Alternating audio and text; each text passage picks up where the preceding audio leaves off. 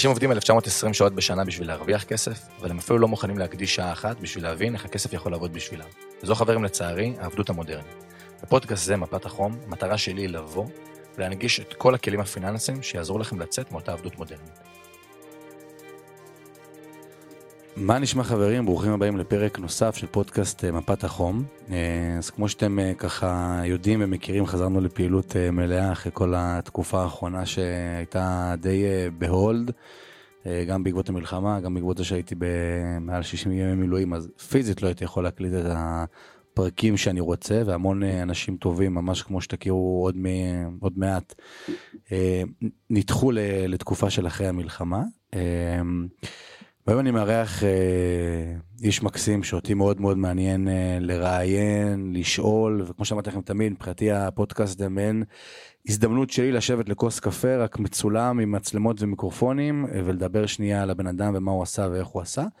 אה, אז שלום אה, אילון רוזנברג, מה נשמע? שלום, שלום, תודה על האירוח. תודה לך על, אה, על ההגעה והקדשת הזמן. בואו קצת אה, ספר אה, לכולם עצמך, הדרך שלך, שוט. אוקיי, אז... אה... אני בן 53, כבר uh, קרוב ל... הייתי אומר 30 שנה בשוק ההון, כבר אה, שיער לבן, מי שיכול לראות. אה, התחלתי את הקריירה בתור סטאג'ר כזה, מתלמד, אני זוכר בבנק מזרחי, סניף הרצליה. מהר מאוד הבנתי שמי שרוצה להתקדם בבנק, אז זה יותר בתחום האשראי, פחות בתחום ההשקעות. אז רציתי... מאחר ורציתי להתקדם, תמיד אה, לשאוף קדימה, אה, עברתי לחברה פרטית שמתמקדת אה, בתחום הפיננסים, בתחום ההשקעות, אופק ניירות ערך, הייתה חברה בת של בנק לאומי. וואלה. שם עשיתי את ההתמחות בייעוץ השקעות, בניהול תיקים בעצם, וככה לאט לאט כל 4-5 שנים יצא לי לעבור תפקיד. עבדתי גם בתמיר פישמן, ניהלתי בית השקעות בשם פריוריטי, ו... לאחר מכן אה, קיבלתי הצעה מאוד מעניינת, דווקא לחזור, הכירו אותי, עוד זכרו אותי מאופק, אה, לחזור לבנק לאומי, לחטיבה אה, לבנקאות פרטית, לתפקיד ניהולי, ו... שמה זה המחלקה ל... תרחיב טיפה, מה כן. הפעילות שלה, מה היא עושה?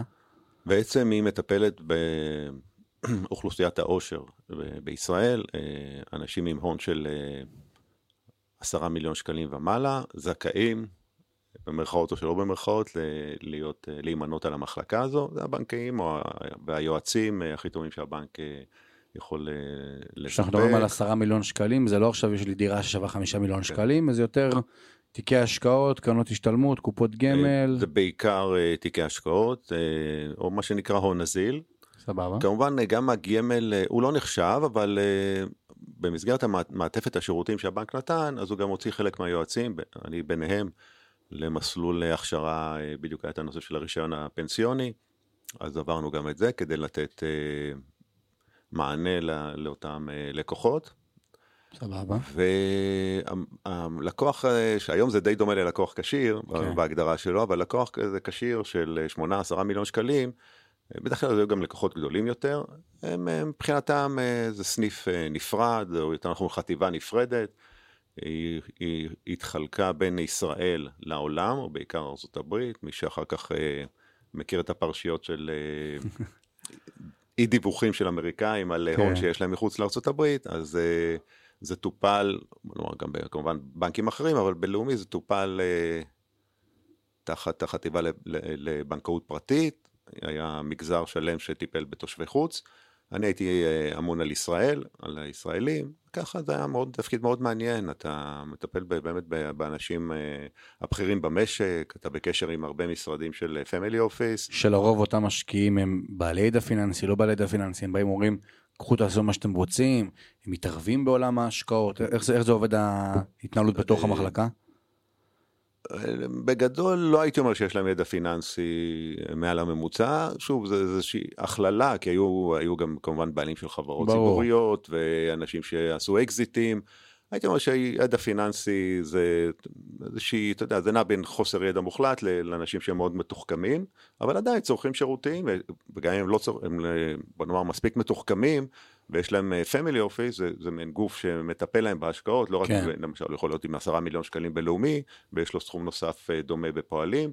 יש לו סכום נוסף ב-HSBC, הוא מפזר את כן, ההשקעות כן, שלו. וצריך מישהו שיעשה לו איזשהו, אה, איזושהי קונסולידציה ואיזשהו, יסתכל על המפה הכוללת, כי אם אני חשוף בלאומי לעשרה מיליון שיש לו ונותן לו את הייעוץ, יכול לתת לו את הייעוץ הכי טוב, אבל זה לא ייעוץ שמתאים לו, כי יכול נכון. להיות שיש לו אה, תיק מנייתי בבנק הפועלים, ואם אני נותן לו ייעוץ מנייתי, בעצם אני חוטא למטרה ולא רואה את התמונה הכוללת. נכון. ולכן אה, נכנס כאן, נכנס לפעולה הנושא של פמילי אופיס, שזה מעין אה, יועץ של המשפחה, קונסיליירי, מה שכן, כן. במובן, ה, במובן החיובי, ונותן לו אה, ייעוץ או מנהל לו את ההשקעות, אם זה נדל"ן, השקעות אלטרנטיביות, אה, מסתכל דברים לו לא סחירים, ברמת המקרו על. כל ההשקעות. ולי יצא לתת אה, שירותים גם למשרדים כאלה, כמו. רני עטר, דיוויד ברנר, ואקסקליבר, ומאוד אהבתי את זה, זאת אומרת, אהבתי את ההסתכלות הכוללת ולראות את, את מפת הנכסים הכוללת, כמו שלך יש מפת חום כן. של כל השוק, כן, המפת הנכסים הכוללת,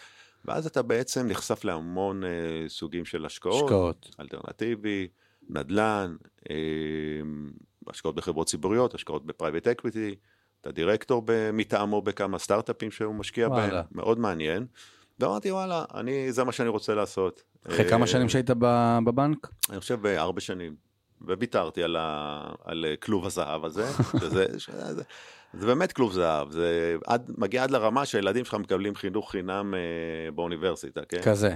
ברמה הזו, משכורות 13, בונוסים, אה, רכב, באמת אה, תנאים מצוינים, אבל אמרתי, זה לא, אני לא רוצה לשבת כאן עד הפנסיה מתחת לפלורוסנט ו... ולהיות אה, סוג של פקיד בנק, למרות שאני כן. מנהל דרג 2, שזה מאוד אה, בכיר וכן הלאה.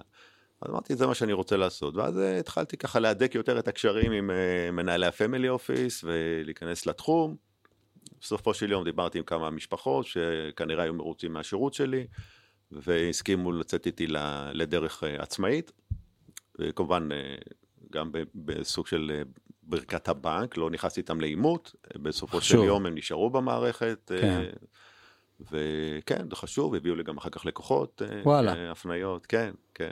ושאתה דרך עצמאית הקמת מה? פמילי אופיס, שנקרא ארביטראז', אה, רכשתי עוד את הדומיין ארביטראז' אי שם בשנת 2000. וואלה. אמרתי אולי דומיין, פעם... דומיין, אה, כן, ארביטראז'. co.il, אולי פעם, אמרתי אולי פעם אני אעשה איתו משהו, דחיתי שילמתי כל שנה את האגרה, והתעצבנ- אז הייתי מעמד כלכלי אחר, אבל התעצבנתי על ה... לא יודע, 100-200 שקל שזה עולה. ואמרתי אולי פעם אני אעשה משהו, קיבלתי הצעות בדרך למכור אותו, גם כמה אלפי דולרים, בסופו של יום אה, אמרתי זה לא משהו ש... סכום כן. שישנה לי רמת חיים, אני כבר אשאר עם זה, ובאמת אה, לימים זה הפך להיות איזשהו שם מותג אה, לכלל הפעילויות שלי, שזה family office, קרן גידור וכן הלאה. שהיום עיקר הפעילות שלך היא? היום עיקר הפעילות שלי היא בתחום של הקרנות גידור, זה תחום שגם מאוד אה, מעניין אותי. יש לי את הפעילות, פעילות הבסיס של, אה, של ה family office, נשארתי עם כ-15 משפחות שאני מלווה, מטפל בהן, ו... שזו אחריות, לבוא לנהל עכשיו 15 משפחות, כאילו, באופן כללי, לבוא ולנהל תיק השקעות של אדם מסוים. זה לא בוא תן את הכסף אני אשקיע לך, זה עובד מה ברמה האחוזית, זה עובד ב... כי כולם אני מאמין שראו את הסרט אה, שמייקל ברי יושב במשרד ומתחרפן ומגיעים אליו מנהלי קרנות, הוציא את הכסף, עניינים והכל. כן. זה, זה ככה? כאילו... לא, אז, אז, אה, אז מייקל ברי, הוא, הוא ייצג בסרט באמת אה, כמנהל קרן גידור. כן. שזה אחד הכובעים שאני אה, אה, מתעסק איתם. באמת מופעל עליו, הופעל עליו לחץ מאוד קשה, ראינו בסרט, מצד לקוחות שתוהים לגבי בדיוק, ההשקעה. האסטרטגיה שלו ומה הרציונל, גם גופים מוסדיים דרך אגב, אלה נכון. שבאו בטענות הפרטיים לא. וכאן אתה באמת נמצא באיזושהי דילמה שגם רלוונטית לישראלים, אני מאמין. וגופים מוסדיים, שאתה בא ונותן את ההון שלך לניהול, ואיך אתה מוודא שמי שאמון על הכספים שלך באמת עושה, עושה מה שצריך. כי זו אחריות גדולה, כי בסוף גדולה. קרן גידור, כמה אנשים נמצאים? שלושה, ארבעה, נכון? זה לא עכשיו כן. 20, 40, 50 איש. אז זה מאוד תלוי, אם ניקח בעולם, אז יש גם קרנות, אם אתה מסתכל על ברידג'ווט, נכון, כן. או זה ברור. אה, רנסאנס של אלפי עובדים. אבל קרן ממוצעת בארץ כמה בערך עובדים? אה, בין חמישה לעשרה, תלוי בקרנות. אם אני אסתכל, אה, זה כמו בתי השקעות, כן, על ה... שכמה אותה. קרן מנהלת נגיד? שנגיד אז זה- חמישה אז עשרה השוק אנשים. בארץ אה, זה כמו פרטו, כן? 80-20, 80 אחוז מההון מנוהל ב-20 אחוז מהקרנות, אז ניקח את, אה, אז יש שלוש-ארבע קרנות מאוד גדולות, אם זה ספירה, נוקד, איון, אלפא, הייתי אומר, גם מתחילה להיות בהגדרה. אה, אז הם הקרנות של המיליארד מיליארד ומעלה, וואלה. עד, מיליארד עד עשרה מיליארד שקלים. בשקלים, כן. כן, כן. ושם הצוותים הם אה, סביב, אה, הייתי אומר, 20 עד 30 עובדים. כבר נהיה כן, רציני. נהיה אופרציה, אתה צריך ייעוץ משפטי ואנליסטים ואנשי מחקר וקשרי לקוחות ו compliance, שזה הציות, כן. ומנהלי השקעות עצמם. אז זה מגיע לאופרציה כזו. אבל זה רק, אה, הייתי אומר, חלק קטן מהקרנות, שהן הגדולות ביותר. לאחר מכן יש שכבת ביניים של קרנות, הייתי אומר, בין 100 למיליארד. סבבה. שם זה באזור החמישה עד עשרה עובדים. ואת השכבה השלישית, שזה קרנות עד, אה, עד אה, 100 מיליון שקל, ששם זה בדרך כלל או one man show, או מקסימום שניים. שאני שואל, תמיד אה, מעניין את האנשים, מה המודל העסקי בקרנות הגידור? כאילו, איך זה עובד? זה עובד אחוז דמי ניהול? זה עובד לקיחה מהרווחים? איך זה עובד כן. ההתנהלות בתוך הקרן הגידור? אז יש את ה, מה שנקרא plain vanilla, שזה השטאנץ, כן? שזה 2.20 נקרא. סבבה. 2 אחוזים אה, כדמי ניהול אה, שנתיים, לא משנה מה קורה. מסך הקרן. כן, מסך ההשקעות של אותו לקוח, 2 אחוזים אה, בעצם, יוצא בערך אחוז. כאילו אם הקרן מנהלת נגיד סתם שתיים, 200 מיליון שקל, אז 40, 40 מיליון שקל, 4 מיליון שקל, סליחה, נמצאים אצלה, היא יודעת לתכנן, אני אדבר פה נגיד לעצמאים ששומעים את זה, שהתפעול של העסק הכל, אה, הוא יהיה בשנה עד 4 מיליון שקלים, ומה שנקרא אנחנו break even, הכל טוב, לא מפסיד, לא מרוויח, הקרן עצמה. אה, מי שבא לקרן גידור בגישה כזו, אז הוא לא יצליח. זו. גישה מאוד אה, מתאימה לא- אולי באמת לחברות בורסאיות, או, ל, או לבנקים, או כן. גרסה שזו גישה שהיא לא, לא נכונה לטעמי. כי ברור שאתה צריך להיות break even וכן, אבל אף אחד שלא יפתח קרן גידור בשביל הדמי ניהול, אלא אם כן אתה באמת אה, נוקד או איון או ספרה שמנהלים כמה מיליארדים, ואז אה, אתה יודע, זה נחמד, משמעותי. זה כבר משמעותי. אבל לא להגיע מהגישה הזו. קרן גידור, המרכיב העיקרי, וזו גם הסיבה שאני בקרן אה, גידור, זה דמי הצלחה, או שנ- איך שנקראים באנגלית ה incentive, תמריץ, דמי תמריץ. כן, והם אותם 20 אחוזים, די, די, אה, עכשיו זה גם די התקבע בתעשייה, זאת אומרת, אה, יכול להיות קרנות שלא גובות דמי ניהול בכלל, או שגובות חצי אחוז, או אחוז, או whatever, לא חייבות לגבות אה, שני אחוזים, אבל מבחינת דמי הצלחה זה די קשיח. אני לא מכיר הרבה קרנות שהתפשרו על ה-20 אחוז, ואני מכיר את כל הקרנות. אה, כשאתה אומר 20 אחוז, אני מה שנקרא אפשט את זה למאזין הפשוט, אם אני עכשיו סתם ה-S&P, שזה האלטרנטיבה לא- לאותו משקיע, עשה 10 אחוזים בשנה, והקרן עשתה גם 10 אחוזים. הקרן נגיד לוקחת 20 אחוז מתוך ה-10 אחוזים, או רק ממה שעשו מעל המדד. אוקיי, זו שאלה טובה. תלוי בקרן, תלוי במשקיע גם. כן, בדרך כלל יש אה, מושג אה, שקיים בקרנות גידור שנקרא הרדל. משוכה. גם המושג הזה מתחלק לשניים, soft והארד.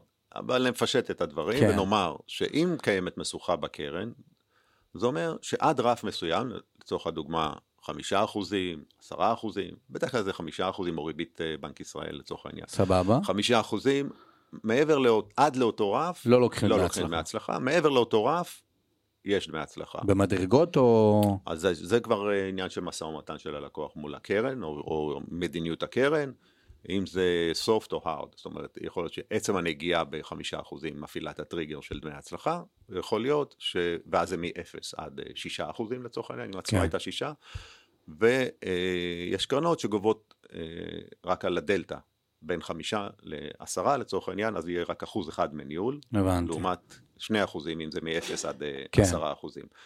קרן גידור בדרך כלל לא משווה את עצמה מבחינת אה, דמי ההצלחה למדד הבנצ'מארק, אלא לאיזשהו מספר אבסולוטי או אה, ריבית חסרת סיכון.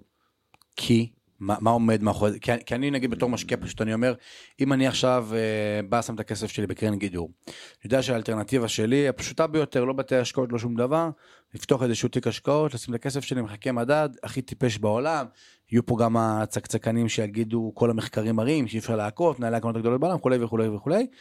ואם אני מגיע לקרן גידור זה נגיד סתם, שיח שהיה לי במילואים עם החבר'ה. והיה לי חבר'ה עם הרבה מאוד, אמרו לי, תשמע, גיא, מה אתה בכלל שואף? כי אני בא בשאיפה גם, private uh, equity והכל. מה אתה בכלל כאילו נמצא שם, אל תיקח דמי ניהול בכלל, תיקח רק מהצלחה, וגם הצלחה מעל המדד. כאילו, הכי מה שנקרא לאכול את העוגה ולהשאיר אותה שלמה. ולא היה לי באמת איזושהי תשובה טובה לתת להם ברמה של למה בכל זאת עושים את זה. יש איזושהי היגיון או שבסוף, תשמע, כולנו צריכים להרוויח. זו שאלה מורכבת. אה, קשה למצוא איזשהו היגיון, אה, אתה יודע, ישיר ומתמטי. כן. אני כן אה, יכול להתייחס, לתקוף את זה אולי מזווית אחרת, יאללה. ש... מה זה בעצם קרן גידור, או בוא נאמר, אם אתה מסתכל על הכותרת, כן, הגידור, כן. ההדג'ינג, המטרה של קרן היא לא בהכרח תמיד לנצח את המדד. אני אתן לך דוגמה, נניח ששוק המניות, אותו S&P, אם ניקח שנה שעברה, את הנסדק, ירד ב-30 אחוזים. נכון. והקרן, בזכות ניהול מצוין וגידור ולא משנה מה, הייתה בצורה אפס. לכאורה, אותו משקיע, לאותה קרן מגיע דמי הצלחה, כי הרי היא חסכה הפסד של 30 אחוזים. נכון. אבל היא לא מקבלת כלום, כי היא באפס והיא גם מתחת להרדל או למשוכה של 5 אחוזים או מה שזה לא יהיה. ודרך אגב, היו בעבר בארצות הברית קרנות גידור שלקחו גם נגטיב uh, סקסס על, על, על, על אותו חיסכון בהפסד על אותו יצרו. גידור שהם ביצעו, שהם לא כן. הפסידו את ה-30 אחוז. זה לא צלח, כאילו אפשר להבין למה זה לא צלח, כי גם אם הפסדתי 5 אחוזים והשוק ירד 30, אני, לא, הלקוח לא יתעצבן שהוא יצטרך לשלם דמי הצלחה. כן. אז זה לא תפס, אבל היה ניסיון כזה, עדיין uh, ככה בהיסטוריה רואים את זה. אז uh, קרן גידור זה מוצר מורכב, זה יכול להיות uh, מצד אחד לספק לך איזה סוג, סוג של גידור, זה יכול להיות uh, קרן שמשקיעה במצבים אופורטוניסטיים, שזו הקרן שלנו, של אה, חברות לקראת turnaround, לקראת מהפך, התפתחות, שינוי עסקי, די דומה מה שאתה עושה ב private equity, כן. אולי, של אה, אה, מי שבא לקרן גידור, ככה זה הפילוסופיה שלי, ומחפש שהקרן תשקיע לו ב... בנק לאומי ובאפל, אז הוא קצת חוטא למטרה. נכון. אז אולי nice to have, אבל לא באמת בשביל זה צריך קרן גידור, אפשר להשקיע, כמו שאתה אומר, במכשירים פסיביים, שאני גם uh, בהחלט בעדם, גם פיתחתי, אני יכול אולי לצרף לינק בסוף הפודקאסט, uh, תיק חינמי לחלוטין, פרו בונו, אה, תיק פסיבי שבניתי בגוגל דוקס, כל אחד יכול לבנ... להכניס סכום, אה, אחוז מניות, והוא מקבל אה, רשימה של איזה קרנות לקנות, וכמובן אין שום קשר לקרנות האלה, קרנות מחכות, כן. ולבנות לעצמו תיק פסיבי, זה טוב ללקוחות קטנים או פחות רוצים. כן. אז השאלה היא מה מדד ההשוואה, מהו אותו בנצ'מארק, וקרנות גידור, בהגדרה, המטרה שלהם היא לא להכות בהכרח את הבנצ'מארק. לכן להציב דמי הצלחה שיהיו תלויים באחוז, באחוז שאתה מכה את הבנצ'מארק, כן. זה קצת לחטוא לקראת הקרן. המטרה מה... שלה היא להשיג תשואה קצת יותר טובה בזמן עליות מה, מהבנצ'מארק, ולרדת פחות בזמנים של משברים, על ידי הגנות, גידור. זה, זה באמת ה plain vanilla, המטרה של רוב הקרנות. יש קרנות שהן אה, אופורטוניסטיות, שהן מחפשות הזדמנויות, משקיעות במניות היתר, אז, אז, להשוות, אז עכשיו לגזור את דמי ההצלחה מול מדד ה-S&P או מול מדד תל אביב 35 או 125 זה קצת גם חוטא למטרה. ולרוב... זה מאוד בעייתי למדוד את כן. דמי ההצלחה למדד מייצג, לרוב, ואני לא מכיר קרנות כאלה ב, ב, בעולם, ובישראל בטוח שאין, ולכן זה נגזר מאיזשהו מספר אבסולוטי, יש אה, רווח, עברת את ההרדל, מגיע לך 20% אה, דמי הצלחה. עכשיו צריך להבין שזה גם מושך, היתרון אולי, את המנהלים הטובים בתעשייה. כן. כי אם יש לנו מנהל השקעות מאוד מוכשר, שעובד בפניקס, או עובד בבנק לאומי, או עובד ב... באיזה נוסטרו, לא יודע מה, אצל איזה מישהו כפמילי אופיס, והוא יודע שלא משנה מה הוא יעשה, הוא יקבל את ה-30-40 אלף שקל שלו בחודש, כן. ישלם את המיסים, ואיפשהו גם יש לו את התקרת זכוכית הזו. מצד שני, הוא יכול לפתח קרן, ויביא את היכולות שלו אה, לידי ביטוי, ביטוי ויצליח לגייס אולי כמה עשרות מיליוני שקלים ולייצר תשואה של 20-30 אחוזים, שנה, שנתיים, מבחינתו זה Game, game changer. לגמרי. ולרוב אותם קרנות, נקרא לזה קרן שמנהלת 500 מיליון שקל. כמה אנשים מרכיבים אותם, כי אני בחשיבה שלי, או איך זה עובד, אני עכשיו סתם, יש לי 50 מיליון שקל, אז אני 10 אחוזים מהקרן, אני מה, אני סוגר את הכסף, אני ברמה האחוזית, אני אומר כרגע הכסף, הקרן מחייבת אותי לסגור את זה לשנה, לסגור את זה לשנתיים, כי אם אני עכשיו חווה ירידה, בקרן החליטה להשקיע, כאילו איך עובד הדיווח הוא כל רבעון, הדיווח הוא פעם בחודש, אני בתור לקוח רוצה להתעדכן, אין איזושהי פלטפורמה כמו שאני עכשיו, אני לא יודע, נכנס לפניקס ורואה כמה כן. קופת גמל שלי ירדה או עלתה, אני סגור לתקופת זמן, ככל שעכשיו הקרן, שלא הרבה שאלות, אבל משקיעה באיזשהו אפיק מסוים, ניקח אלטשולר וכל השווקים המתפתחים, לא הולך בתזה, אבל מנהל הקרן אומר, חבר'ה, תנו עוד שנה, שנתיים, זה, זה מה שנקרא, הביא את עצמו לידי ביטוי.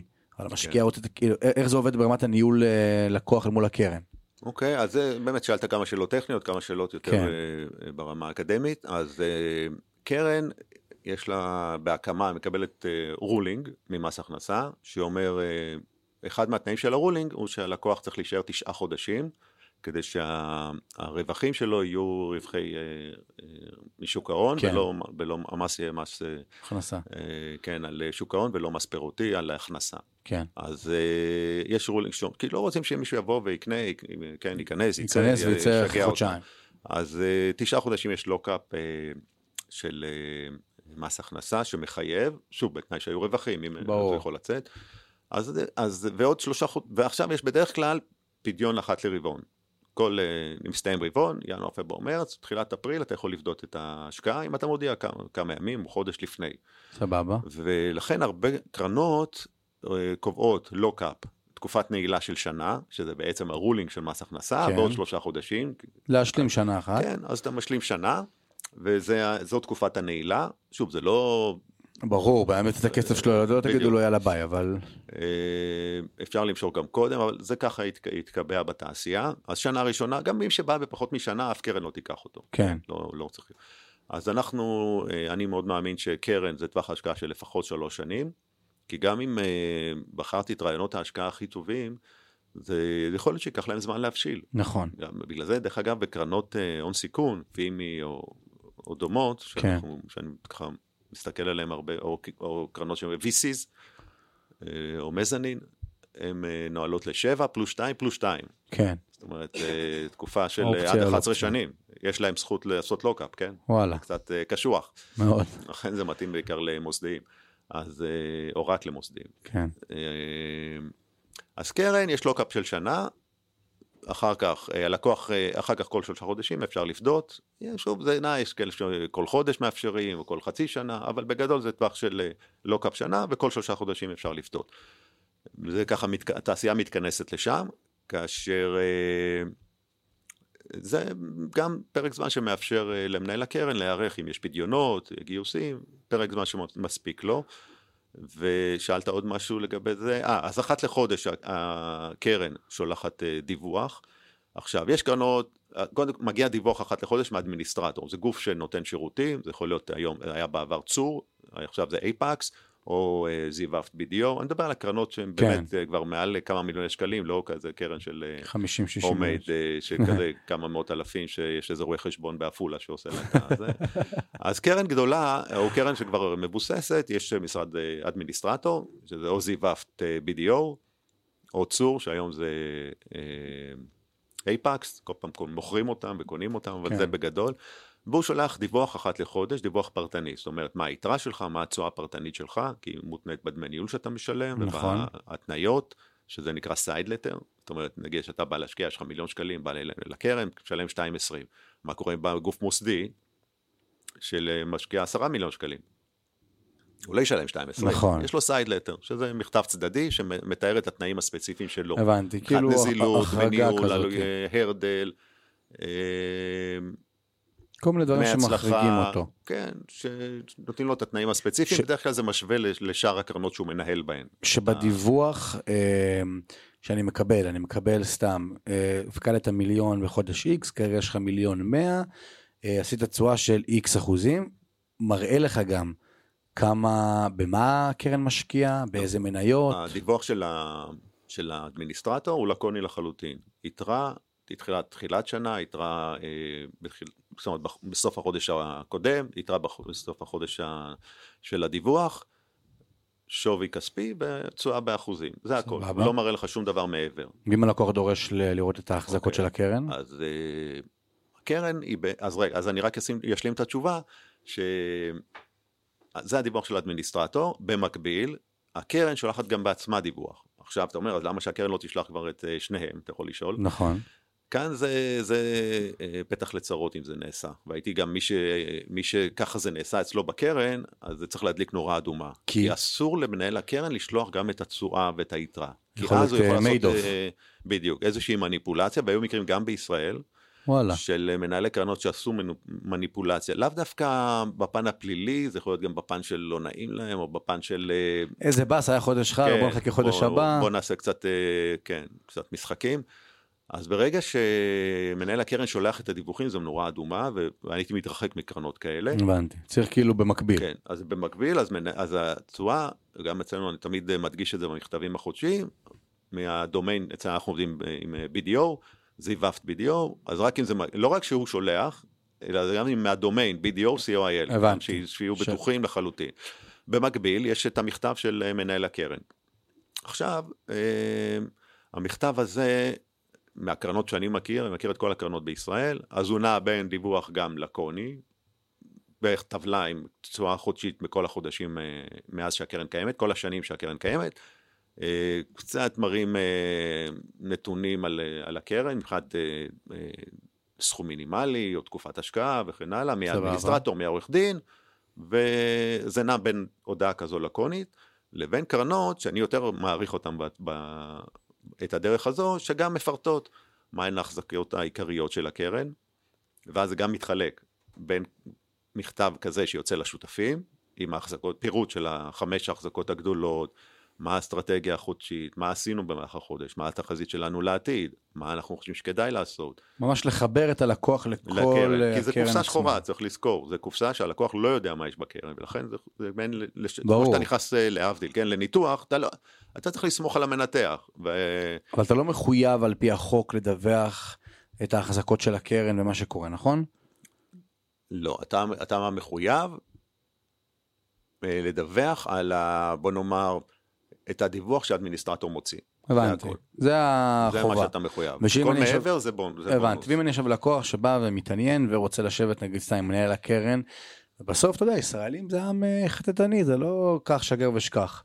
מה, למה אתם מחזיקים דווקא, כאילו, בשיח הלקוחות, שיש להם הון, כן. וזה לא זה, מגיע לרמת שיח כזאתי של, אה, תשמע, קראתי כתבה לא טובה על המניה הזאתי ואתם מחזיקים אותה, אתה מבין את ה... כן. זה? זה קורה דברים כאלה? תראה, זה, זה קורה, הייתי אומר, אבל שוב, אה, אה, אם אנחנו מסתכלים על כ... נגיד 100 לקוחות שיש לנו בקרן, הייתי אומר שארבעה חמישה הם ברמה הזו.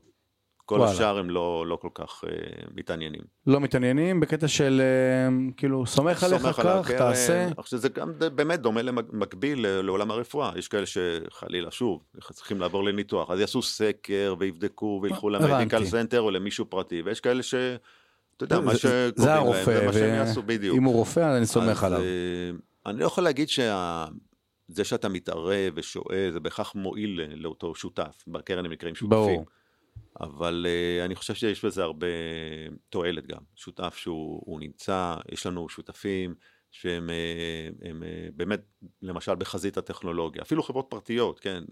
כשאתה אומר שותפים זה לקוחות. לקוחות. כן. שותף בקרן הוא שותף, בקרן יש אה, שותפים אה, שהם שותפים מוגבלים לגובה ההשקעה שלהם. סבבה. ויש שותף כללי שהוא בעצם ה-GP, המנהל. כן, סבבה. השותף המנהל.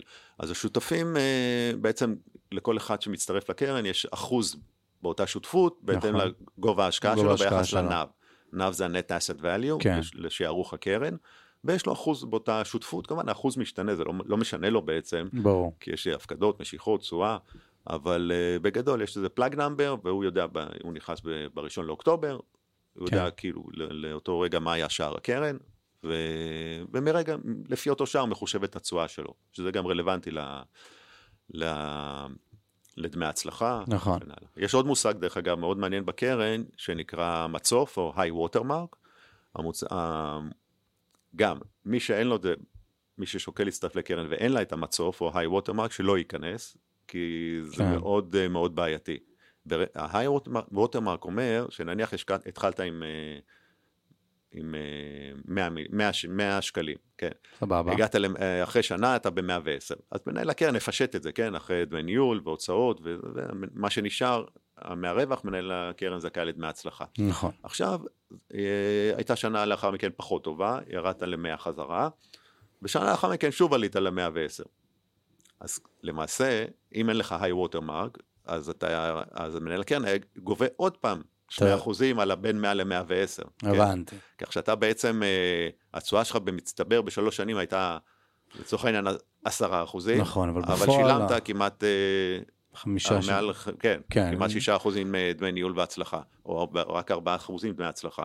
לכן ההיי ווטרמרק הוא מנגנון שאומר, אתה תשלם דמי הצלחה רק מעבר, כמו מצוף בים, לנקודה הכי גבוהה שהקרן הגיעה. הגעת. בין 110 כאילו הגעת פעם ראשונה ל-110, פעם הבאה שתשלם מס, יהיה, או דמי ניהול זה ב-120 נגיד, או 115, מהצלחה. זה רק מעל 110. אה, וסתם אני מביא דוגמה, תקופות אה, קורונה, תשעה שבועות, השוק מתרסק, 36 אחוזים מ-S&P, אחרי זה ממריא למעלה מהתחתית לשיא מעל 100 אחוז. תקופה כזאתי, מנהל קרן, איך מתמודד, אני זוכר כל מדינת ישראל בערך בפאניקה ממשיכת אה, קופות קרנות נתונים של הרבה מאוד משיכות ודברים וכאילו אתה מנהל קרן אומר חבר'ה צ'יל תירגעו ויכול להיות שהמשקיע יבוא ויגיד שמע אני רוצה למשוך איך מתמודדים כאילו עם, ה, עם הדבר הזה.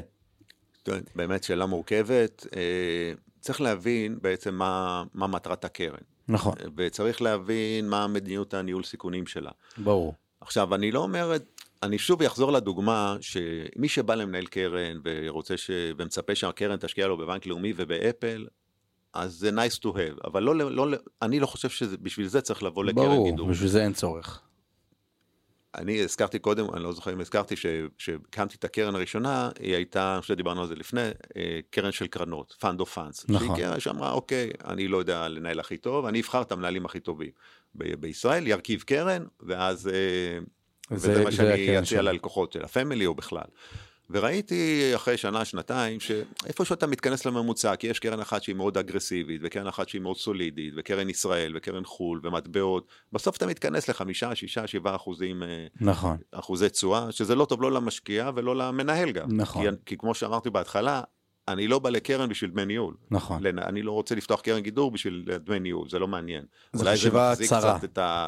את התשלומים לרואה חשבון ולאדמיניסטרטור ולעובדים, אבל ולמשרד. זה... אבל זה לא, לא, לא בשביל זה, בוא נגיד, עזבתי את בנק לאומי, כן? נכון, בול. אז אה, לתפיסתי, אם כבר באים לקרן גידור, לך לקרן אגרסיבית. כי לבוא לקרן סולידית, שתעשה, שתעשה גידור גם להשקעה. שוב, בוא נזכור, גידור זה מילה נחמדה, היא גם בבסיס של, ה, של שם הקרן, אבל מי שעשה גידור, וזו עלות בערך של אחוז וחצי, שניים לשנה לעשות גידור, נכון. לא מדבר על שורטים, שלדעתי שורט זה לא גידור, שורט זה יכול להיות גם חשיפה כפולה, כי אם אתה טועה בשורט, אמת. ראינו מקרים של גיימסטופ ומה שקרה לקרנות גידור בארצות הברית, זה גם סיפור מעניין, איך חילצו אותם. אבל אה, מיש... העלות הזו של הגידול נניח מ-2008 עד 2000, עד הקורונה אפילו שהזכרת, 2020, הייתה עולה לי גם בחצי מהקרן. נכון. זה, כן, כן. לא, לא רחוק משם. אה, אז קרן, אז לבוא לקרן גידור בשביל הגידור, בשביל הפיזור, אתה קצת חוטא לאמת. ברור. אני, מה קורה? יש קרנות גדולות שמשקיעות חצי אחוז, אחוז בנייר. כדי לפזר, אבל אז אתה הופך לקרן נאמנות, אז בשביל מה אני צריך לשלם לך 2.20? אני אלך לקרן מחכה, ויש קרנות היום עם אה, רבע אחוז או אפילו בלי דמי ניהול. ומצד שני יגידו לך, קרן אגרסיבית יכול לקרות במקרים של ירידות לצורך הדוגמה, כי שעליות הכל טוב ויפה, אז אני רואה את התשואה שלי עולה, ואני אומר פשוט בתקופות נכון. של ירידות, גם הקרן האגרסיבית סופגת. נכון. אז אני אומר, אתה בתור מנהל הקרן מודע לאסטרטגיה, מודע לחשיבה, יש לך את הידע הזה, אתה מנהל הקרן. אבל הלקוח בקצה, כסף יהיה לו מדברים אחרים שהוא עשה, אבל את הידע בהכרח אין לו. ואז הוא מגיע, אני חווה את זה מלקוחות סתם, נגיד לך דוגמה שאצלי בליווי. אישי, לא עכשיו יותר מדי, אה, אה, ומבינים טיפה יותר פיננסים, אין להם הון יותר מדי גדול, יכול להיות שגם בגלל זה זה נובע, אבל פתאום שיש איזושהי ירידה במניה, דיברת עליה לא מזמן, פתאום כזה, מה המניה יורדת, מה קורה, מה פה, מה שם, דברים כאלה. אני אומר, בתור מנהל קרן, זה גם יכול להיות לא בטוב מה קורה למניה, אלא ב... תשמע, אני גם קראתי כתבה עליה ב... בעיתון הזה ובגלובס, בדיספורטל, דה מרקר, כל הסנטימנט הוא מאוד מאוד שלילי על השוק, נגיד סתם פייסבוק לפני שנה וחצי, אתה מחזיק בקרן, ואתה אומר חבר'ה המניה תעלה, כאילו בסוף אני עשיתי עליה הערכת שווי, היא לא צריכה להיות בהערכת שווי הנוכחית uh, היום. איך מתמודדים עם הדבר הזה? כאילו נראה לי זה מאוד מאוד מאתגר וגם אין באמת למנהל הקרן יכולת להדוף את זה, כי אם עכשיו רוצים לעשות גל של משיכות אז יהיה גל של משיכות ואני מוגבל. נכון, אתה נוגע פה בנקודות מאוד אה, חשובות במה אורח החיים של ניהול הקרן. כן. יש כמה מנגנוני הגנה, שכמו שאמרתי, ה lock-up של שלושה חודשים, שקצת מונע, יש דברים יותר מורכבים, הזכרנו את הנושא של, אה, יש side letter, אבל יש גם side pocket, שזה גם, לא ניכנס לזה כדברים יותר מורכבים, נכון. יותר מתאים ללקוחות מוסדיים. מנהל קרן בסופו של יום, אם הוא יתחיל לתת תשובות למשקיעים או לשותפים שלו, ולמה השקעתי ככה ולמה השקעתי אחרת, בסופו של דבר הוא גם חוטא לאמת, כי מנהל קרן צריך להתייחס אליו, או הוא צריך להתייחס למקצוע כמו מנתח. הוא בא, יכול להיות שאתה יודע, הוא עשה את המיטב שהוא יכול, והניתוח לא הצליח, והחולה לצערנו נפטר. אבל אוקיי, מתחילה משמרת חדשה, יש לו עוד חולה. נכון. אז עכשיו הוא יגיד, ישקל איזושהי מראה שחורה ויגיד, רגע, החולה הזה נפטר, לא נעים, זה, אני עכשיו עוד פעם מתמודד עם משפחה, ועוד פעם יגיד להם, הוא יפחד גם לבטל את הניתוח הבא. והיד תרעד לו. נכון. לא, מנתח טוב, ויש לי דרך אגב לקוחות כאלה, גם שותפים כאלה. מתח... נגמר, אוקיי, מתחילים עכשיו דף חדש, אה, פציינט חדש, כן, לאותו, באותו שולחן ניתוחים, והיד לא רועדת לו. הוא יודע שהוא יעשה את הכי טוב שהוא יכול. עכשיו, קשה קצת להבין את זה מי שלא בתעשייה ומי שלא, נכון. אתה יודע, אתה, אבל יש כאלה שגם לא מסוגלים בכלל לנתח. אמת. אתה רואה דם, אתה רואה זה... אתה ישר נגעל. כן, נגעל, או בחילה, או, או רתיעה. כן. אז מנהל קרן צריך להיות, להתעסק באסטרטגיה, במדיניות, בקו המחשבה שלו, ככה זה גם מוגדר בהסכם, יעשה את, את המיטב, את ה, כמובן, ברור. על פי שיקול דעתו הבלעדי. כן. אז אה, לבוא אחר כך להסביר לשותפים, אה, אם אה, פייסבוק או לימים כן, אבל... עלתה או ירדה, או אינווידיה, למה היא עלתה או ירדה. ברור. הוא לא יצא מזה. נכון, אבל... הוא צריך להתוות איזושהי מדיניות כללית, לדבוק בה, כל עוד זה, זה make sense. נכון. ופחות להיות... טרוד ממה יגידו הלקוחות, ברור. ואיך הם יתקפו אותו, זה יותר מתאים, אני זוכר גם שניהלתי תיקים בבתי השקעות, אז היו לקוחות שמתערבים, בסופו של דבר זה רק יצר נזק. נכון, זה מעורר, לו, מערער למנהל את הביטחון, את הביטחון, זה גורם לו לפעול בניגוד למה שהוא חושב. פה אני אתן דווקא דוגמה לקרן אה, שאני מאוד מעריך את המנהל שלה, אה, היא כבר, היא נסגרה, בדיוק מהסיבה הזו. זאת אומרת, אה, וגם שנתיים לפני כן לא גייסה לקוחות חדשים. וואלה, מה כי המנהל הקרן היה עסוק בלתת תשובות כל היום? הוא לא רצה את ההתעסקות הזו, הוא היה, הוא עשה צורות מצוינות, קראו לה קוליברי, וגם התעסקה במניות היתר, והקורונה שהזכרת דווקא מה שנקרא הרימה אותה, היה להם איזה שורט שהם לא, לא ניכנס ל... כן. לפרטים, אבל הם עשו איזשהו שורט מאוד מוצלח, גרם להם להכפלה של הקרן והחליטו שזה מספיק להם, לא רוצים יותר לגייס שותפים או להתעסק עם כל הנושא הזה של הלקוחות וסגרו אותה והם מנהלים, אני מניח היום את הנוסטרו שלהם, את התיק שלהם כן. עצמם. אז מנהל קרן, אה, אסור לו להתעסק יותר מדי ברעש מסביב. נכון. למשל, אה, אפשר להסתכל על וורן באפט שהמשרדים שלו אה, כן. רחוקים קצת מניו יורק, כן? כי הוא לא רוצה את הרעש של המולה של, ה... של וול סטריט, כן? הוא רוצה את השקט שלו באומהה לחשוב ולתכנן את ההשקעות שלו. אז זה להבדיל. אה, מנהל קרן אסור שיהיה מושפע, אה, והוא הרבה פעמים צריך, צריך, צריך ורצוי שהוא יפעל נגד המגמה. כן. זה מאוד קשה. עכשיו יש את המקרה המפורסם למשל, שאני מכיר אותו מקרוב, של ועדת ההשקעות של אוניברס... אוניברסיטת תל אביב במשבר של 2008, שהחליטה בשיא המשבר למכור את התיק, לעבור ל... אז לא היו קרנות כספיות, אבל לעבור להם לפקדונות, ובצעד הזה הם בעצם גרמו נזק של אה, עשרות אם לא מאות מיליונים לאוניברסיטה, סיפור שהיה בעיתונות, עשו נכון. גוגל, ובמקום לחכות ולהגיד אוקיי עד יעבור זעם. ו... ברגע שיש ועדת השקעות עם אה, עשרה חברים, ומהאקדמיה ומגופים פרטיים, ובסופו של דבר לא מקבלים החלטה. כן? נכון. כן? אז קיבלו החלטה מאוד גרועה, שעלתה להם באמת מאות מיליוני שקלים, ו... וזה לא רק הם. אה, אפילו קופות גמל, בגלל הלחץ, בגלל, ה... אני זוכר אז היה את, אה, את פריזמה, כן, נכון. כן, של קוטלר, אם אני לא טועה, הוציאו קופת גמל כספית, כן, כן. אפילו אני לא בטוח שהייתה קרן כספית, אז מסלול כספי, שקלי, של מזומן. ואנשים פשוט עברו ממסלול כללי, שזה עם ישראל, או סוכני הביטוח מוכרים, מסלול כללי או אפילו מסלול אה, מנייתי, למסלולים כספיים, והפסידו בעצם את הריקאברי. נכון.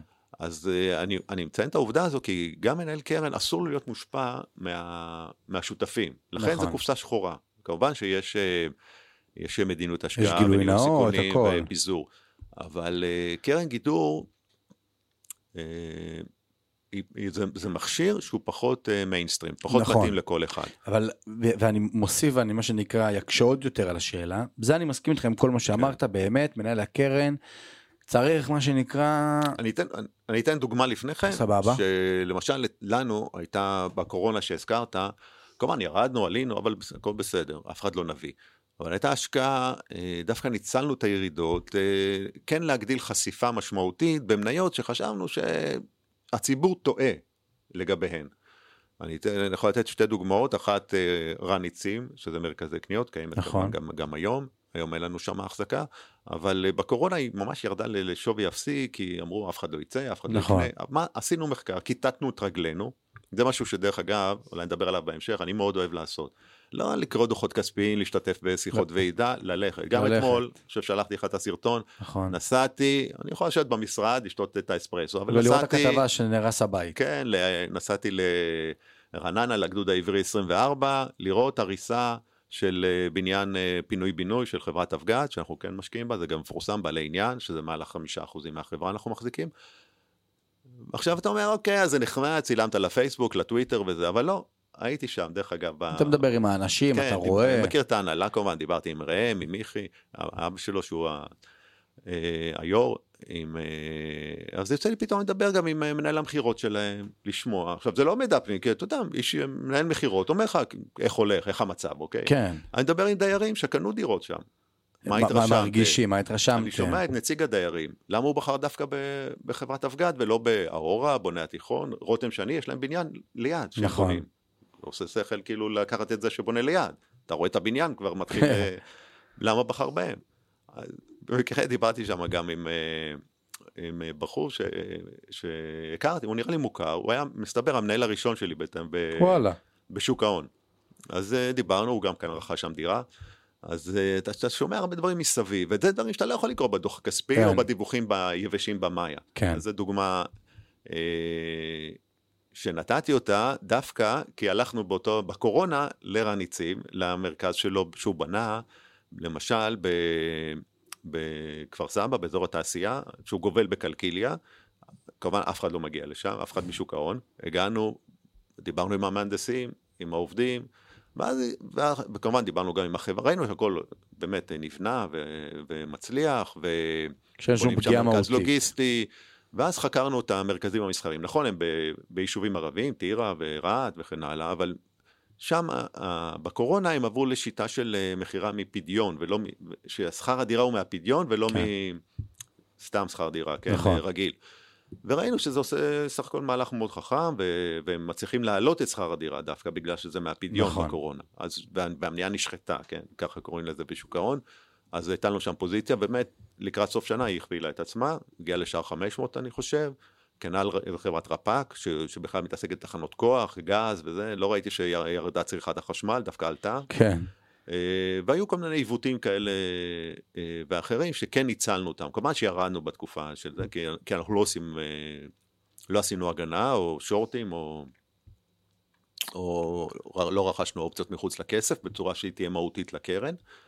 ו...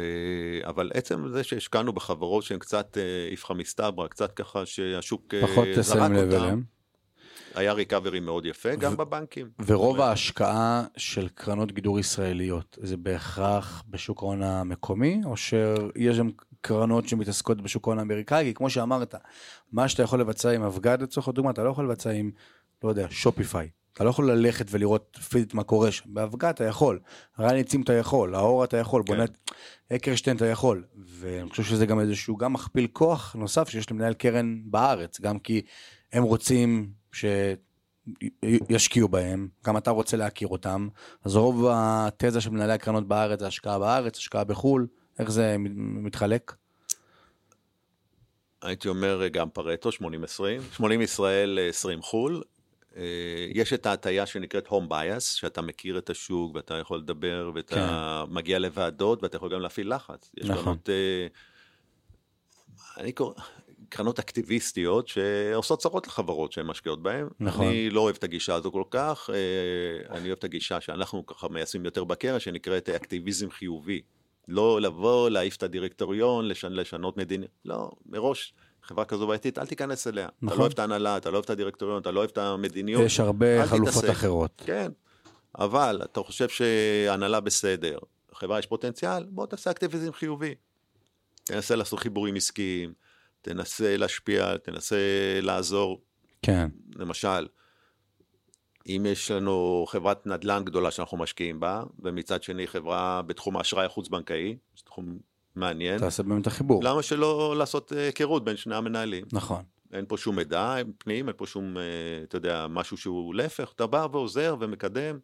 כן. או למשל, אה, לחבר חברה למשרד יחסים, אה, יחסי ציבור, ציבור. קשרי משקיעים, כן, גם משהו שמאוד עוזר, לח- לחשוף אותה לעוד גופים בשוק ההון, כן, זה... זה בהחלט. אז רוב הקרנות, שוב, כאן אנחנו עושים, נכנסים באמת לרמה, לדיון הפילוסופי, מה, מה המהות של הקרן? האם לייצר תשואה חיובית בכל מצב שוק? האם למקסם את פוטנציאל התשואה? האם לתת חשיפה גלובלית? האם להיות קר- קרן גלובל מקרו? אתה צריך להבין מה המהות. אין מילה ש- כוללת, אין לזה אסטרטגיה ברורה, כמו שאתה אומר, ברור. ניהול תיקים, 80-20, 70-30, כן. 100. זה, זה, לא כמו, זה לא במהות הזו. נכון, אבל אני אומר, יחד עם זאת, בסוף שאתה בא ואתה עכשיו, אה, לצורך הדוגמה, אה, לא יודע, לפי דעתי תשאל כל משקיע, אם, אם, מה שנקרא הייתי שואל שאלה, כל משקיע עכשיו ששומע את הפודקאסט הזה, מה המטרה שלך בהשקעות? הוא לא כזה יעניין אותו האם אני עושה חשיפה גלובלית, האם אני משקיע באופציות מחוץ לכסף, האם אני פה, האם אני שם, אני רוצה להרוויח כסף. אתה מנהל קרן, תעשה מה שאתה יודע. וכאילו אני חושב שבסוף, אה, שלקוח, ויכול להיות שתקן אותי אני טועה, ואתה אומר, תשמע גיא, אתה מדבר פה על יותר לקוחות שהם קטנים, לקוחות שאני פוגש אותם, הם פחות ב state of mind הזה, שאני הלקוחות שלי רוצים, לא בהכרח מסתכלים על כמה כסף הייתי יכול להרוויח אם הייתי עכשיו משקיע ב-S&P, או אם הייתי משקיע בנסדק, או אם הייתי משקיע בתל אביב 90. אה, חבר'ה שמגיעים אליי רוצים שאני אנהל להם את הכסף בבטחה ושהם יהיו בטוחים מה קורה. לא כזה קריטי להם אחוז לפה אחוז לשם. כאילו זה המהות והעניין. אה, והשאלה האם באמת אה, משקיעים אה, מגיעים בסוף שנה, שנתיים, שלוש, אומרים, תשמע, אני רוצה את הכסף, אתה שואל שם מה הסיבה, אומרים לך, תשמע, תל אביב 90 עשה 15 אחוז, אתם עשיתם 12. כאילו, פחות אטרקטיבי בעיניי.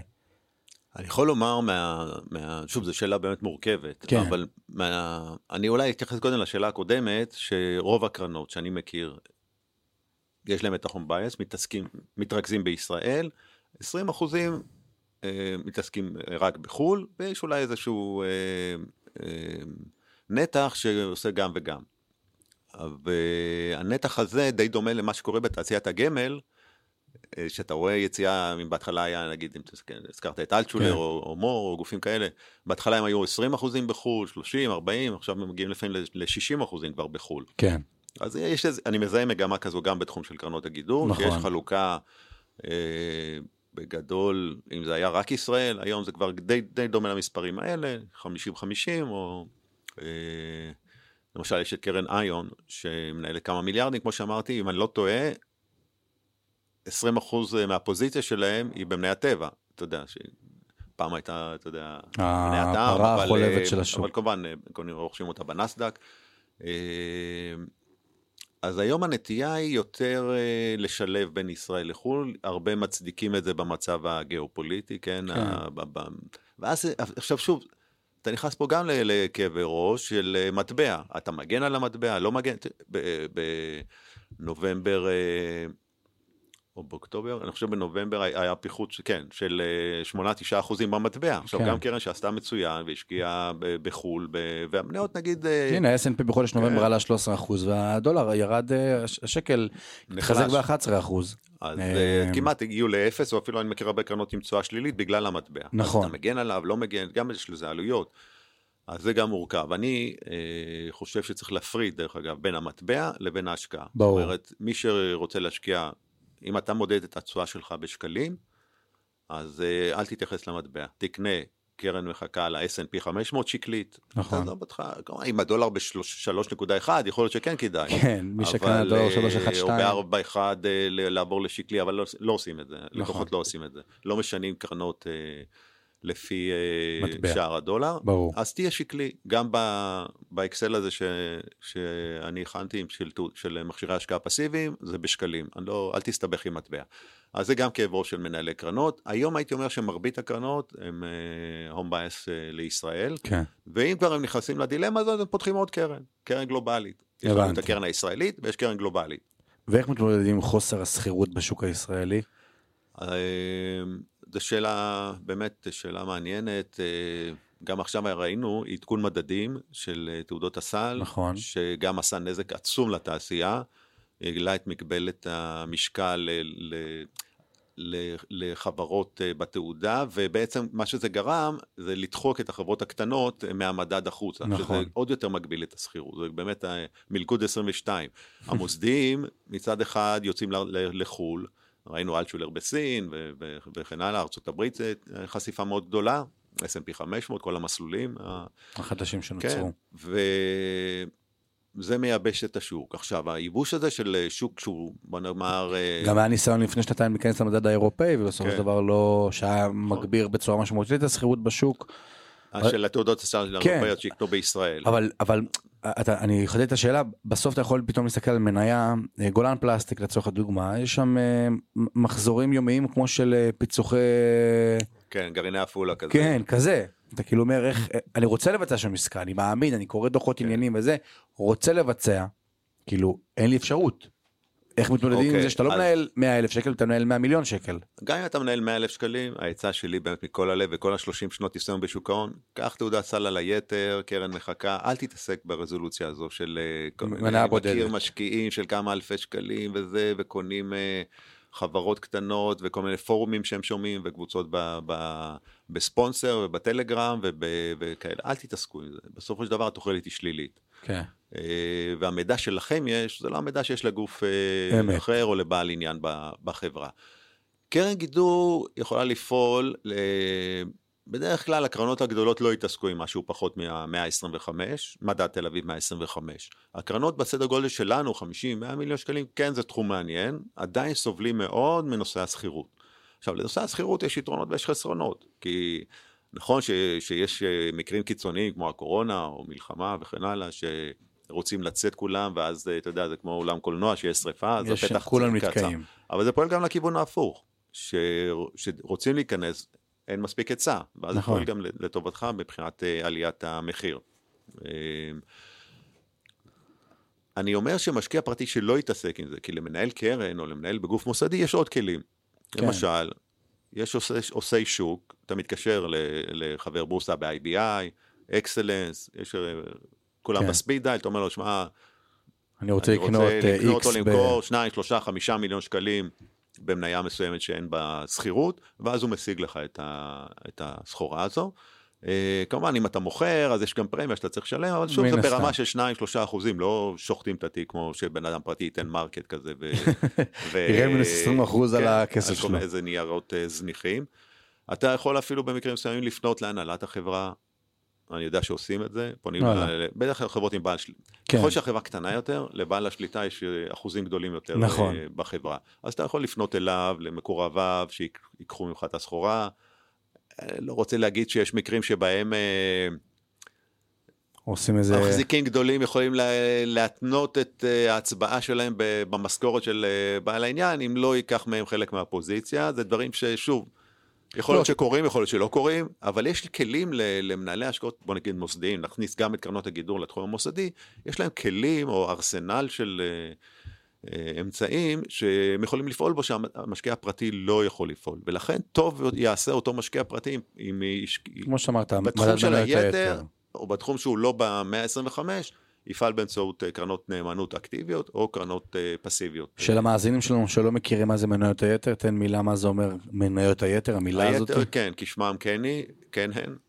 אה, אם אנחנו מסתכלים על המדדים הגדולים, תל אביב 35 או תל אביב 90, או 125. או הסכימה שלהם היא כן. תל אביב 125, שאני דרך אגב, בתחילת הקריירה, בשנות 2000, אה, קצת לפני, אה, הייתי שותף עם חיים בן- אבן זהב באופק להקמת תעודת הסל הראשונה. אז וואלה. קראו לזה תעודת סל, היא נקראה טלי, שזה תל, ראשי תיבות תל אביב, אופק לאומי ישראל. אשכרה. והייתה טלי 25, המכשיר הראשון שיצא, כמובן העתיקו אותו מה. מהספיידר אה, האמריקאי, מה-QQQ, אבל uh, תעודת סל הראשונה, אז היה אפשר גם מנגנון החלפה דרך אגב, שיכלת להחזיק את ה- 25 המניות הגדולות, וביום מסוים להגיד, תנו לי את המניות, בתמורה לתעודה הבנתי. פיזית את המניות. כן. היום כבר אין את זה, ברור. אבל זה גם יצר הרבה, הרבה כאבי ראש. אתה יודע, מישהו עם אלף שקל אומר לך, תן לי את זה. כן, אתה אומר לו זה. תן לו שברי נייר. אז הייתי שותף לזה. אז, אז היום זה 35, 35 המניות הגדולות, לאחר מכן אה, לפי 90 שוב ושוב, והסכמה. ה-90 זה הבאות בתור, שהם ביחד 125, והיתר? והיתר זה כל מה שיתר, כן. כל מה שמתחת ל-125 מבחינת אה, שווי שוק. כמו או- הראסל 2000 של כן, השוק המקומי. בדיוק, מחוץ זה ל-S&P 500. הבנתי. אז היתר זה, זה באמת עכשיו, זה שוק שהוא מרתק, המון חברות מעניינות, שוק שהמוסדים פחות נחשפים אליו, בעיקר בגלל שיקולי שכירות. נכון. שקשה להם לקחת פוזיציה, יש לי לקוח אפילו, אתה יודע, מנהל קופת גמל, אפילו מניה שהיא כאילו גדולה, לא יודע, שהוא, שהוא מחזיק בה חמישה, שישה מיליון שקלים. בוא נאמר בתחתית ה-125, הוא אומר, לוקח לו שבועיים שלושה לצאת מהפוזיציה, או לבנות פוזיציה, ו- וגם אז הוא יכול לפעמים לצאת בהפסד שהוא לא רוצה לצאת כן, בהפסד, בדיוק. כאילו למי לכן, למכור. דרך אגב, בתעודות הסל, העדכון האחרון נועד, אה, נכון שזה כאילו פוגע במ- במניות יתר, אבל זה, זה נועד מצורך מסוים. מנהל תעודה שיש לו פדיון, אז הוא עכשיו הוא צריך לפדות נייר שהוא לא שכיר, הוא מוריד את הנייר ב-40-50 אחוז, והוא לא רוצה להיכנס להשפיע על הנייר, זה גם לא נראה טוב מבחינה חוקית. אז אני אומר, אז איך, בסוף כולם מודעים לזה, אין אחד, וראיינתי פה הרבה אנשים, ואני מדבר עם הרבה אנשים שמודע לדבר הזה. איך אין מישהו, או גוף שמתעצם, מתאגד נגד, יודע, הרשות לניירות ערך, לא כנגד, אלא אומר, חבר'ה, יש פה דגל אדום, אנחנו לא, אין פיזית את הדברים האלה, גם לא נראים טוב, גם פוגעים ברמת ההשקעות שלנו, גם לא מושכים משקיעים זרים לכאן, המון המון דברים. כאילו, תעשו משהו. לא, משקיעים זרים הם פעילים ב-35, הם לא- מה שמעבר לזה הם לא, לא- לא לא. מסתכלים אפילו לא מעניין אותם. ראינו דרך אגב במשבר האחרון, ב- ביום הראשון של המלחמה, הירידה הגדולה שהייתה במניות הבנקים, אז אומרים מה קרה לבנקים זה דבר בטוח, מה קרה, אז בסדר, מה, כן. לא היו בנקים בישראל? משקיעים זרים, נכון. זרקו, ירדו אני חושב באוקטובר ב-18, חמש- משהו כזה, כן. חלק מהם 18 אחוזים, מטורף, אבל זה משקיעים זרים, הם לא מתעסקים במשהו לא תל אביב 35, אין, אין סיכוי בכלל, אה, לא, לא מעניין אותם, זה אפילו לא בבחינה. כאן, אם, אולי נעשה את החיבור שדיברנו עליו בהתחלה, למה בכלל לבוא לקרן גידור? נכון. כמו שאמרתי, מי שבא בשביל שנשקיע לו בפייסבוק או מטא או גוגל או אפל או בנק לאומי ו... ו... וחברות ואלביט הדמיה, אלביט אה, מערכות, לא צריך, את זה, לא צריך בשביל זה קרן גידור, שיהיה לך נכון. יועץ בבנק, שילך, שיקנה לעצמו תעודת קרן מחקה וכן. מי שבא לקרן גידור מצפה שאנחנו נשקיע בחברות שיעשו את ה turnaround והם יהיו, ייכנסו למדדים בסופו של יום. כן. והם בסופו של יום יתפתחו ויצמחו. ו... וזה השיקול העיקרי, זאת אומרת, אה, קרנות לזהות את ה- turnaround, קרנ... יש בזה סיכון כמובן, כי זה, הסתם, ברור. זה מגדיל את התנודה, מי שבא לקרן גידור כדי להקטין את התנודה, אני רואה הרבה קרנות בדוחות החודשיים, אני מקבל כי אני גם family office, כן. אז אה, מראים בגאווה את הסטיית תקן של הקרן אל מול השוק, שהם יותר נמוכים וכמובן גם התשואה שלהם יותר גבוהה, אז אה, אני אומר, מי שמודד קרן בסטיית תקן, זה, אוקיי, אז אפשר לעשות את זה. הוא חוטא לתפקידו. בדיוק, הוא יכול לתת לה, לה איזושהי אמת, כי אתה יכול למדוד את זה בניהול תיקים, אתה יכול למדוד את זה אולי בקרנות נאמנות, זה מעניין, נכון. אבל בקרן גידור, מי שבא לקרן, שיבוא למקסום פוטנציאל התשואה. עכשיו, הרבה לא יסכימו איתי, גם בתעשייה, אומרים, לא, המטרה של קרן היא לייצר אה, קצת יותר בזמן עליות, והרבה פחות בזמן ירידות. נכון. שזה נכון, מאוד קשה לעשות את זה, אחרת כולם היו עושים את זה. ברור. אתה צריך, אה, אתה צריך בטטה שלך אתה, אתה מאמין. שקרן צריכה למצוא, לא אגיד את האפל הבאה, אבל את המניה הזאת שמה שנקרא היא, ב, נקרא לזה בתל אביב ה-150, ולאט לאט עולה ב... פתאום תגיע אפילו למדד ה... ל-125 כן. בהחלט. ותיכנס לשם. אני יכול ל- לתת דוגמה גם מההשקעה שביצענו בתקופת הקורונה. עכשיו, יש לי הרבה חברים מוסדיים. למשל, זו חברה שגם אה, פורסם במאיה שהשקענו בה, קיבלנו הקצאה פרטית, בוני התיכון. אני חושב שאז היא הייתה באזור שער אלף.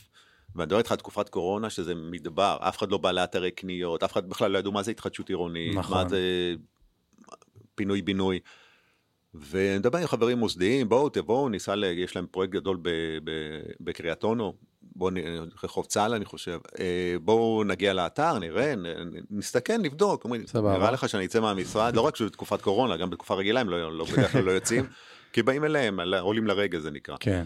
אה, נראה לך שאני אסע לקריית אונו, כאילו איפה זה בכלל על המפה? כאילו, קריית אונו, אתה אומר, אה, לא מדבר איתך שנסענו למפעלים בקצה הארץ ובצפון ובדרום, אבל לא משנה, זה קרן, אבל מוסדיים לא באים, לא יוצאים. כן. אתמול באבגד, אני יודע שיש מוסדיים שמשקיעים, אף אחד לא היה שם אה, לראות את הריסת אה, מבנה, כן? כן. כי, גם אלה, יש המון אה, בירוקרטיה וחוסר זמן ולנהל מיליארדים זה מאוד קשה. אז, אז, אז הגענו ל...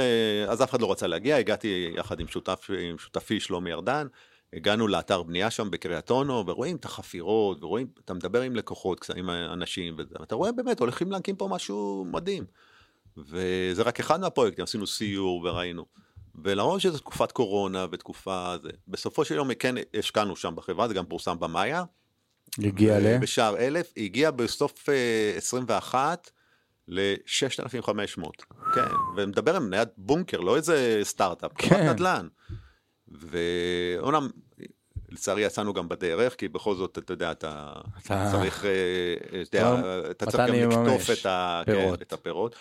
אז uh, זו דוגמה ל, ל, להשקעה של קרן גידור, השקעה טובה, כי זה גם תקופה גרועה בשוק ההון, הקורונה, גם תחום שאף אחד לא מכיר אותו, וגם... אה, שום משקיע פרטי לא ייסע כן, לקריית אונו. ומה התברר? ב, uh, באותה שנה, ב-21, הייתה המניה הכי טובה בבורסה במקרה. וואלה. כן. והפניקס נכנסו לחברה בת שלהם, כן. או עשו, היו במשא ומתן מתקדם, אז זו דוגמה לקרן גידור, להשקעה טובה. היו גם השקעות... אה, אני זוכר בתחילת הדרך השקענו ב-ALD, לימים היא הפכה להיות האב, כן. אבל השקענו בכובע הקודם שלה, שזה... לפני... עכשיו ראינו חברה, שווי 15 מיליון שקל, והסתכלנו קצת על המספרים, כמובן מניית יתר של היתר, כן, אף אחד לא מתקרב, וראינו שיש לה חוזים עם צה"ל למערכי הדרכה, שבאמת במאות מיליונים, אמרנו, אז משהו פה לא מסתדר, יכול להיות שהיא לא מספיק רווחית, יכול להיות שזה לא מכירים אותה, אבל לא הגיוני שחברה תיסחר בכזה שווי. כן. ואז לימים אה, השקענו בה וקצת עזרנו להם. ו... יצאתם לפני כל האירוע של... אה, כן, עכשיו הגענו, היה את המיזוג עם, אה, עם האב. אחד היתרונות של להיות מנהל קרן, שאתה חשוף להרבה אנשים. נכון. הבאנו אנשים, אני אתן לך קצת מאחורי הקלעים, או לצופים או למאזינים. הגענו, יש לנו שותפים שהיו ב... לא יודע אם מישהו מכיר יחידות כמו שמונה, כולם מכירים 8200, כן, יש 81, יש גמא, יש דברים מאוד מאוד, אה, לא, לא אגיד עוד מספרים ו... של יחידות, כן. אבל דברים שבוא נאמר אה, קצת מעבר, כן, אנשים שמאוד מאוד אה, בסייבר התקפי ובזירו דיי, ולא רוצה להיכנס לכל הזה, אנשים מאוד מתוחכמים, באנו איתם, אמרנו, אתם שותפים שלנו בקרן, בואו תבואו איתנו לפגישה. נפגשנו עם, אה, לצורך העניין, עם אה, המנכ"ל. עם המנכ"ל, הבעלים, המהנדסים שם בהאב. קיבלנו את הרשמים שלנו, שהובילו אותנו גם בסופו של דבר אה, להחלטה לצאת מה, מהחברה, מההשקעה. ו... ו... וזה יתרון שאני חושב ש... ומאמצים ויכולת ש... שלנו כקרן יש להביא לשולחן, ש... שאולי גופים מוסדיים או משקיעים פרטיים פחות... אה, ממש כמו שאתה הולך ואתה רוצה לקבל עכשיו איזשהו כסף מ- מיזם שישקיע בסטארט-אפ שלך, אתה גם יכול לגייס מהבנק, אבל הבנק מקבל רק כסף. פה אתה מקבל השקעה פלוס מה שנקרא את הניסיון, את הידע, את כן. הקשרים של אותו מנהל קרן. added value, זה איזשהו ערך מוסף. לגמרי. אז נגעת באמת מקודם, מקודם בנקודה מעניינת שמטרידה הרבה מנהלי קרנות של הנושא של הרדמפשן, הפדיון, מה קורה אם המשקיע לא מרוצה, רוצה לצאת, אז... אני חושב שמהניסיון שלי הרבה מגיעים לקרן גידור בגלל הצוות הניהולי, שמכירים את המנהלים ויודעים את הקו מחשבה שלהם, for better and for worse, כמו שאומרים בחתונה, כן. כן אתה עושה סוג של חתונה, ופחות מסתכל אם אה, שנה מסוימת אה, התשואה שלך הייתה שלילית. זאת אומרת שהמשקיע פחות... יותר בוגר, שהמשקיע שמגיע. יותר בוגר, והוא מבין את הרציונל ההשקעה. כמו שאמרתי, אה, קרן גידור צריכה להביא, הקרן שלנו שואפת למקסם את פוטנציאל התשואה. היא לא שואפת אה, להקטין סטיית תקן, לעשות גידורים, לעשות שורטים שיגנו, ובסוף אתה חוטף... אה, קרן אגרסיבית. אה, אתה יודע, אתה גם דיברת על זה פעם אה, באחד הפודקאסטים, אה, אה, מה זה קיצון, מה זה קיצוני, נכון. מה זה נכון. אגרסיבי. זה הכל טרמינולוגיה, כמו שאומרים בטלוויזיה, טרמינולוגיה. אז אה, האם זה אגרסיבי, אגרסיבי זה טוב או לא טוב? אני חושב שזה, לקרן גידור זה טוב. כי כן. יש לנו השקעות בקרן של 15 אחוזים אה, פוזיציה. עכשיו תגיד, רגע, מה, אתה מפגר? אתה מטורף? מה זה 15 אחוזים? אתה יכול לפשוט רגל. אז אני אומר, אוקיי, אבל מה אתה רוצה? אתה רוצה קרן נאמנות עם 0.2 בנייר? לשים את זה בקרן כספית בדיוק, שקלית. לא ו- כספי, קרן נאמנות כן. או קרן מחכה, יש לך קרנות של כל התל כל ה-125, נכון. כן, equal weight, לא equal weight, אבל אני אומר, רגע, בוא נראה, אם השקעתי וצדקתי בהשקעה, אני רוצה להיות מתוגמל, אם אני נכון. משקיע בחברה בול, חצי בול. אחוז, והיא עושה פי 10, זה נקרא בעגה המקצועית 10 בגר, כן. משהו קשור למונחים של אה, בייסבול, 10 בג, פי 10, אז אני לא רוצה שיהיה לי, אז, אז אה, שניים וחצי אחוז, פי חמש נניח, בול. אה, מהחצי אחוז, אז מה, מה, ייתנו לי יופי על הכתף, כאילו צל"ש, אני רוצה שאם אני צודק ואני, ואני עושה את ה-10 בגר, או 5 בגר, ואני עם 15 אחוז בקרן, אני יכול לעשות הכפלה של הקרן. נכון. עכשיו, אני לא פה במדיניות, עכשיו, מה זה עוד נותן לי? זה נותן לי גם אה, את להיות המיקוד. בעל עניין, כן, להיות... בעל עניין זה גם, זה חיסרון דרך אגב, זה לא כי? יתרון. כי ה- כל תנועה שלך מדווח. אה, הבנתי, הבנתי, ואז. אה, יש מקרה מאוד מפורסם, אני לא אגיד את שם הקרן, אבל שנקלע לאיזשהו משבר, ופשוט אנשים בתעשייה, גופים מוסדיים, ראו את- איזה מניות, ידעו שיש פדיונות, כי הם בעצמם היו לקוחות שלה, זו אחת הסיבה שאני לא ממליץ שיהיו מוסדיים בקרן, ראו את המניות שהיא אה, אה, מחזיק בעלת עניין, ופשוט עשו שורט, מכרו את המניות האלה בחסר, כך שגם מנהל הקרן לא יכל למכור בעצם. ואז עשה פדיון? היו לו פדיונות? הם ידעו שיש לו פדיונות. היה נאלץ אה, למכור כדי לספק את הפדיון. והם עשו שורט, זאת אומרת, עוד יותר הקטינו את, את האפשרות שלו לבצע את הפ... והם הרוויחו. פי כמה וכמה. הם הרוויחו, בסופו של דבר מנהל הקרן פחות הרוויח, כן? זה כמעט נסגר. בסופו של דבר הוא איכשהו נחלץ מזה. אה, איזשהו זה לא גוף קצת אה, משהו שהוא כשר לחלוטין. כשר כן, לחלוטין? אתה יכול לעשות שורט על כל... אה, זה ברור, אבל אם אני עכשיו סתם, אני משקיע בך, ואני משקיע בק- בקרן שלך, ואני יודע שאתה לצורך הדוגמה משקיע באקרשטיין, בסדר? ואני יודע שיש בקרן שלך פדיונות, ואני משקיע, ואני גם כן. תוך כדי מבצע את המשיכה, ותוך כדי נכנס בגוף אחר לשורט. זה משהו שברמה החוקית, זה משהו שאפשרי לעשות? כן, זה חוקי, תקין. אתה צריך להיות מאוד מתוחכם, לדעת מה יש לנו, מה יש לאחרים, מה יש... ל- לכן אני אומר, להיות בעל עניין זה חיסרון. כן. אה, זה חיסרון יותר מאשר הוא, הוא יתרון. יש יתרון שאומר, אוקיי, אני, אתה יודע, skin in the game, כן. אני לא עושה דבר אחד, ואומר דבר אחד ופועל אחרת. אתה יודע, אני יכול להגיד, וואו, קנו את מניה X, ברור. היא מקדימה, אבל בעצם לעשות עליה שור. כן, זה... פה רואים, אתה בעל עניין, אתה מאמין באשראי חוץ בנקאי, אתה בא, אנחנו בעלי עניין בשוהם. כן. אנחנו, אני מאמין בנדל"ן, התחדשות עירונית, אנחנו בעלי עניין באפגן. באפגן. אנחנו שמים אה, skin in the game, אי אפשר להגיד, רגע, אתה אומר ככה, אבל בעצם אתה, אתה עושה אחרת. כן. אז אה, לא, אני גם חייב להוסיף בנוגע למה שאמרת מקודם על האם אני מרוויח, אני מרוויח. על הנושא הזה שאני לא אשכח שהרבה מאוד חבר'ה הגיעו אליי לצורך הדוגמה אחרי תקופת קורונה שכל מניה הייתה איזה מניית חלום טכנולוגית מרחפנים מעופפים למה לא לעשות. אתה פתאום רואה אנשים מגיעים לך עם תיק השקעות 30 40 50 מניות שתיק ההשקעות הוא 100 אלף שקל. אתה רואה איזה אתה יודע אחוז אה, נקודה 2 5 החזקה מהתיק אני אומר לו למה אומר לי מניה טובה אמרתי לו יאללה התפוצצה. מניה התפוצצה 100% למעלה. כמה עשית? נכון. כאילו מה, מה אין לזה העניין? משמעות. אנשים לא מבינים את זה, אומרים לו אבל גם זה טוב, והנה יש פה את מפת החום מאחורינו ויש פה 500 מניות, כי זה מפת החום של S&P 500, אני לא יכול להשקיע בכל ה-500, אני צריך שיהיה לי איזושהי תזה השקעתית, הבנה באיזה סקטור אני בוחר להשקיע, ושיהיה לי מדיניות השקעה בתוך תמהיל התיק שלי, גם אני משקיע פרטי, ולא עכשיו מנהל הקרן שיודע והכל, אני חייב שיהיה לי מדיניות השקעה, מצד אחד לא לשים 30% על מניה אחת, כי אתה over מסכן את התיק שלך, מצד שני גם לא לשים אחוז או שתיים על מניה אחת, כי אז אתה אתה עובד על עצמך שהיא בכלל בתיק שלך, כי לא משנה אם היא תרוויח או תפסיד, אתה לא עשית שום דבר. ואתה צריך שכל התיק שלך יעלה כדי לחוות איזושהי מגמה מסוימת בתוך התיק השקעות. זה נכון. לכן, מכשירים פסיביים מתאימים, מאוד מתאימים, למרבית האוכלוסייה. קרנות מחכות, ETFים, גם מסלולי הפנסיה, דרך כן. אגב, ה-S&P, עוקב S&P, כולם, אה, אתה יודע, כל סוכני הביטוח משווקים את זה, כאילו שזה בולט פרוף ולא יכול לרדת בסופו של דבר, זה גם יכול לרדת וגם יכולים ראינו את זה לעטוף, אה, ב-2022. כן, נזק אה, מטבעי. לקרן גידור, זה מתחבר שוב, באמת אני מנסה להבין, להעביר את הרציונל, היא שאם אתה כבר מגיע לקרן גידור, אז מצד אחד יש יד חופשית למנהל, אל תבלבל לו את המוח, כן, נכון. כמובן שהוא לא קרוק אה, ולא נוכל, אבל אל תבלבל לו את המוח יותר מדי, תן, תסמוך עליו, כמו שאתה בא לניתוח, אתה לא תתחיל עכשיו להגיד לו, שמע, אני לא חושב שהאזמל הזה מתאים. לא, אתה תשב ותקבל את ההרדמה, והוא ינתח איך שהוא מבין, והוא. למד 7-8 שנים, כן. ויש לו שערות לבנות כבר, והוא חושב שזה עכשיו, בזמן הקורונה, כדאי לקנות... אה, את, את, אה, אה, בוני התיכון, או את אה, רפ"ק, או את. רניצים, אז אה, כנראה שהוא הוא קיבל את השיקולים רציונלית, ו- ובוא נלך עם הקו הזה. אדם פרטי, אני רואה את זה הרבה בפורומים וכל מיני טלגרם וזה- וטוויטר, שהולכים על, אה, בוא נאמר, מפזרים את התיק לדעת, שזה גם...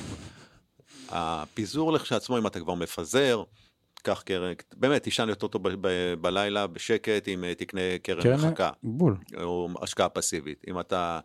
מצד שני, אם אתה מסתכל למשל גם על הגורו שלנו, אה, על האורקל אה, אה, וורן באפט, 40% מהתיק הפוזיציה שלו היא במניית אפל. נכון. אתה יכול להגיד, רגע, מה בן אדם מטורף? אבל גם היא נבנתה לאורך השנים, זה לא. שביום הוא שם 40 אחוז.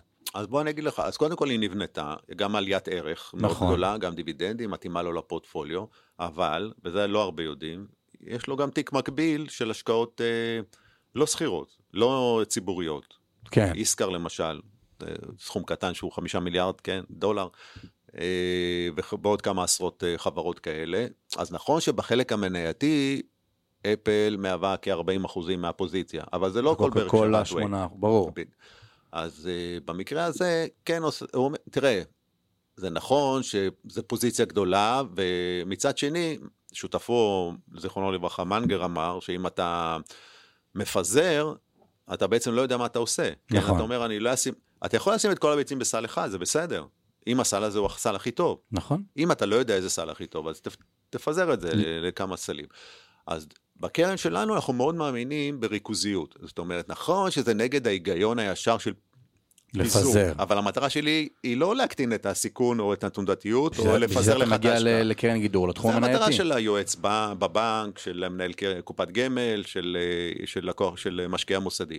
המטרה שלי היא למקסם לך, בקרן שלנו, למקסם את פוטנציאל התשואה לטוב ולרע, כן, לפעמים אתה גם טועה. אז אה, אני כן מרגיש בנוח עם חשיפה של 15, 16, 17 אחוזים לנייר, כאן גם יש דיון מעניין, נגיד שהשקעת 15 אחוזים והנייר הכפיל, צדקת. אז רגע, הוא כבר שליש מהקרן. נכון, מה אז אתה עושה? בעיה. אז זה באמת, אה, כל מקרה לגופו, אבל אתה או מגייס עוד, או כן נאלץ אה, למכור, אה, לחתוך בפוזיציה. כן, אז להיות עם אחוז גבוה של חשיפה לנייר מסוים, זה לא בהכרח דבר... יכול להיות שזה כאילו מעלה את הסיכון, זה מסוכן, אבל זה לא בהכרח לא נכון כלכלית. נכון. כן, בטוח שהרבה היו מתחלפים עם אה, וורן באפט, עם ההשקעה של, אה, של שליש מהקרן במניית אפל. במניית אפל, או בקוקה קולה, או, ש... או ג'ילט, שהוא אומר, אה, אה, אתה משקיע בג'ילט. הוא אומר, לא, אני ישן בשקט שעשרה מיל- מיליארד גברים בלילה. יגדל להם השיער. כן. אז זה היה מודרני להתגלח, היום פחות. אז, או לשתות קוקה קולה. שמע, למה, למה להשקיע במניית קוקה קולה? למה בכלל, אה, למה, אתה אומר, זה מוצר מיותר. נכון. זה לא מים, מוצר הצריכה צבע הבסיסי. מאכל וסוכר. נכון. בפחית קולה יש שבע כפיות סוכר, כפות סוכר. למה, למה שמישהו יקנה את הדבר, את הרעל הזה, לכאורה? נכון? יש צורך, אנשים שותים, הוא זיהה את הצורך הזה, ובהתאם ביצע כן. את, ה, את ההשקעה. זה לא משהו, אה, מוצר אה, נססית, צריכה בסיסי. מוצר ערך של אה, רכבות, או אפילו אייפונים. או. כן. מוצר, אה, הייתי אומר, די מיותר, גם מזיק לסביבה, נכון. והנה, המניה שהיא אחת זה- הפוזיציות זה- הגדולות שלו. זה באפט באפט. דיברנו הרבה על אה, עולם הקרנות גידור ואיך עושים ומה עושים. כמה שאלות אה, נוספות, עולם הנדל"ן, בסדר? יצא לי לדבר על זה הרבה, אני גם אתמול קראתי איזשהו מיני מאמר בטוויטר על זה שמישהו. רשם, נכון, גם העליתי את זה. גם העליתי בוויינט, רשמתי על זה שהמתמטיקה כבר לא עובדת. פעם המתמטיקה של משקיע ממוצע היה טוב, אני לוקח, יש לי איזה 300-400 אלף שקל, לוקח משכנתה של 700 אלף שקל, קונה דירה מיליון 100, אני משלם על המשכנתה 4,000 שקל בחודש, אני מקבל שכירות 4,200, אני מבסוט, גם משלמים לי את המשכנתה, גם יש לי דירה בעוד 30 שנה. בשנתיים שלוש האחרונות המתמטיקה השתנתה, לא רק שאני לא מכסה את המשכנתה, אני גם מפסיד 300-400 שקל כל חודש, ואם פעם הייתי משלם 4,000 אני משלם 5.5. והעליתי את זה וישר 15 אלף תגובות שונות, מה אתה חושב באופן כללי על השקעה בנדל"ן? ואם כבר השקעה בנדל"ן, אז בנדל"ן בארץ, שבסוף אם אתה מסתכל על אחוזי תשואה, אתה מקבל אחוז וחצי, שתיים אחוז משכירות אה, שנתית, ועוד עליית ערך ממוצעת של שלושה ארבעה אחוזים. אה, לא משהו שהוא, נקרא לזה מהותי. אוקיי, אענה, אני אענה לשאלה הזו, דווקא אני אתחיל את התשובה משהו שקשור לקרן, לקרנות או להשקעה בגידור, או איך שאנחנו, מה הפילוסופיה שלנו אה, בתחום.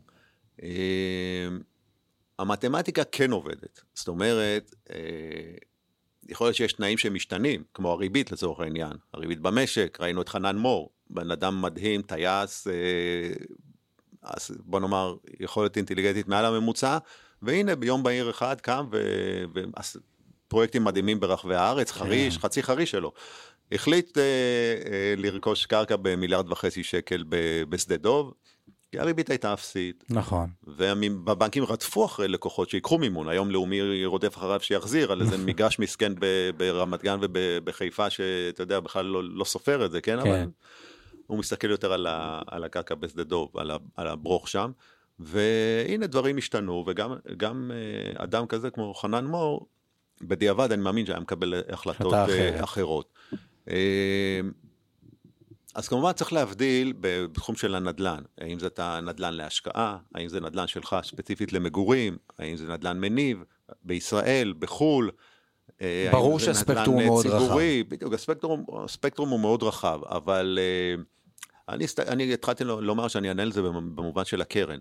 אנחנו חושבים, היום זה דווקא מתחבר לאיפכא מסתברא, אוקיי, מה היום זה באמת הכל קודר. כן. אבל בוא, אבל, אבל זה הזמן לעשות כסף, זאת אומרת, או להרוויח, כי כש, כשהכול משגשג, אז לא אתה הזמן. יכול לגשת למכרז של רמ"י ולשלם אה, 700-800 מיליון שקל, מקרים אמיתיים, לקרקע ברמלה, שמשקפת עלות של מעל מיליון שקל לדירה, ברמלה, עלות, עלות קרקע, כן? לא כן. תגיד עלות דירה. עלות בנייה.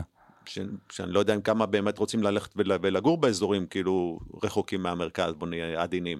ולשלם עלות קרקע של מעל מיליון שקל זה מטורף. לא נורמלי. לא יודע, לא נורמלי, אבל דברים משתנים. נכון. והנה, אז דווקא בתקופות uh, קשות של, uh, של uh, שוק ההון, בוא נגיד לזה, וריבית גבוהה, כאן יש את ההזדמנויות. כי, כי זה כמו שאנשים, דיברנו בהתחלה, רגע, עכשיו השוק ירד, אני אצא, אחכה מחוץ, יישב על הגדר, ועד שהשוק יתאושש ואני אכנס אחר כך. ושם אני לא מפסיד את ה... אתה לא תדע מתי להיכנס, בדיוק. אתה, מי, ש, מי שעם תשואה פספס את חמשת הימים הטובים ביותר. אתמול היום כזה. בדיוק, בבורסה. הוא יכול להפוך אפילו, להפוך מתשואה של פלוס 15 לתשואה שלילית או, אפ, או אפסית, כן? נכון. או שלילית אפילו. אז אף אחד לא ידע, גם אם ידעת מתי לצאת, לא תדע מתי להיכנס. נכון. גם בקורונה היינו, מושק... היינו מושקעים בשוק, ואתה מנסה לטייב את ההשקעות. אז עכשיו זו תקופה שנכון הריבית גבוהה, נכון אנחנו, יש מלחמה לצערנו, ובאמת חטופים וחיילים נהרגים לצערנו, וזה מאוד עצוב. ואין פועלים מאיו"ש, ותקופה שאין עסקאות, ומשכנתה נמוכה. אבל רגע, מספיק משגרת הכתבה של... מתי תקנה מניות, בדיוק, מתי תקנה מניות נדל"ן, שהריבית היא באפס, ושהכל משגשג כאן, ושיש מיליארדים אה, בהייטק עושים אקזיטים? לא. זה, בדיוק. אז חנן מור הייתה בשער 5,000, אה, אה, בוני התיכון הייתה ב-6,500. השוק צופה כבר את ההתאוששות או דברים טובים, זה מגולם במחיר. נכון. גם כלל ראשון בהשקעות. אז יכול להיות, וזו התפיסה שלנו, יכול להיות שהיא מוטעית, אף אחד לא נביא כאן, שדווקא בתקופות חשוכות, כמו הקורונה למשל, שאף אחד לא רוצה להגיע למרכזי קניות, דווקא זה זמן טוב לקנות את רן ניצים. נכון. יכול להיות שדווקא היום, בתקופה של מלחמה וחוסר בעסקאות וחוסר בפועלים, דווקא מניית התחדשות עירונית היא מעניינת. ולמה? יכול להיות ש... היום אנשים ירצו דירות עם ממ"ד. כל דירה בהתחדשות עירונית היא חייבת שיהיה לה ממ"ד. אה, יכול להיות שאנשים יעברו מהדרום למרכז, וההתחדשות עירונית זה גדרה חדרה, כן? נכון. אף אחד לא עושה התחדשות באילת, כן? או ב... זה גדרה חדרה. יכול להיות שאנשים ירצו לבוא לאזור המרכז. יכול להיות שעלויות המימון הגבוהות שיש לקבלנים כמו חנן מור, ירדו בעוד שנה, אה, שנתיים. לא, לא קיימות בהתחדשות כן. עירונית. נכון. חשוב להבין. אתה בהתחדשות עירונית, זה כאילו שאתה קונה קרקע חקלאית, והיא עוברת אישור בוועדה מחוזית, אמת. והופכת לקרקע לבנייה. זה בדיוק התחדשות עירונית, כי אמת. מה זה קורה? אתה לוקח כמה דיירים, מחתים אותם, פרויקט שאין לך שום הוצאות, אולי קצת עורכי דין, וזה באמת גרושים, כמה נכון. מאות אלפי שקלים, אבל אם אתה מצליח ואתה מקבל את ההיתר, אתה הפכת קרקע חקלאית לקרקע עם אה, היתר בנייה. נכון. אתה הופך בניין ברעננה, כמו שהיינו אתמול, לקומפלקס, לא שילמת על הקרקע. נכון. נכון, אתה צריך לתת לה שליש שב... בערך לדיירים. שמי שלא יודע, בעלות בנייה, כמעט 40-50 אחוז מעלות הבנייה היא... מימון. בדיוק, זה, זה הקרקע עצמה, גם אה, בהחלט. חשוב להגיד. אז אין להם הוצאות מימון.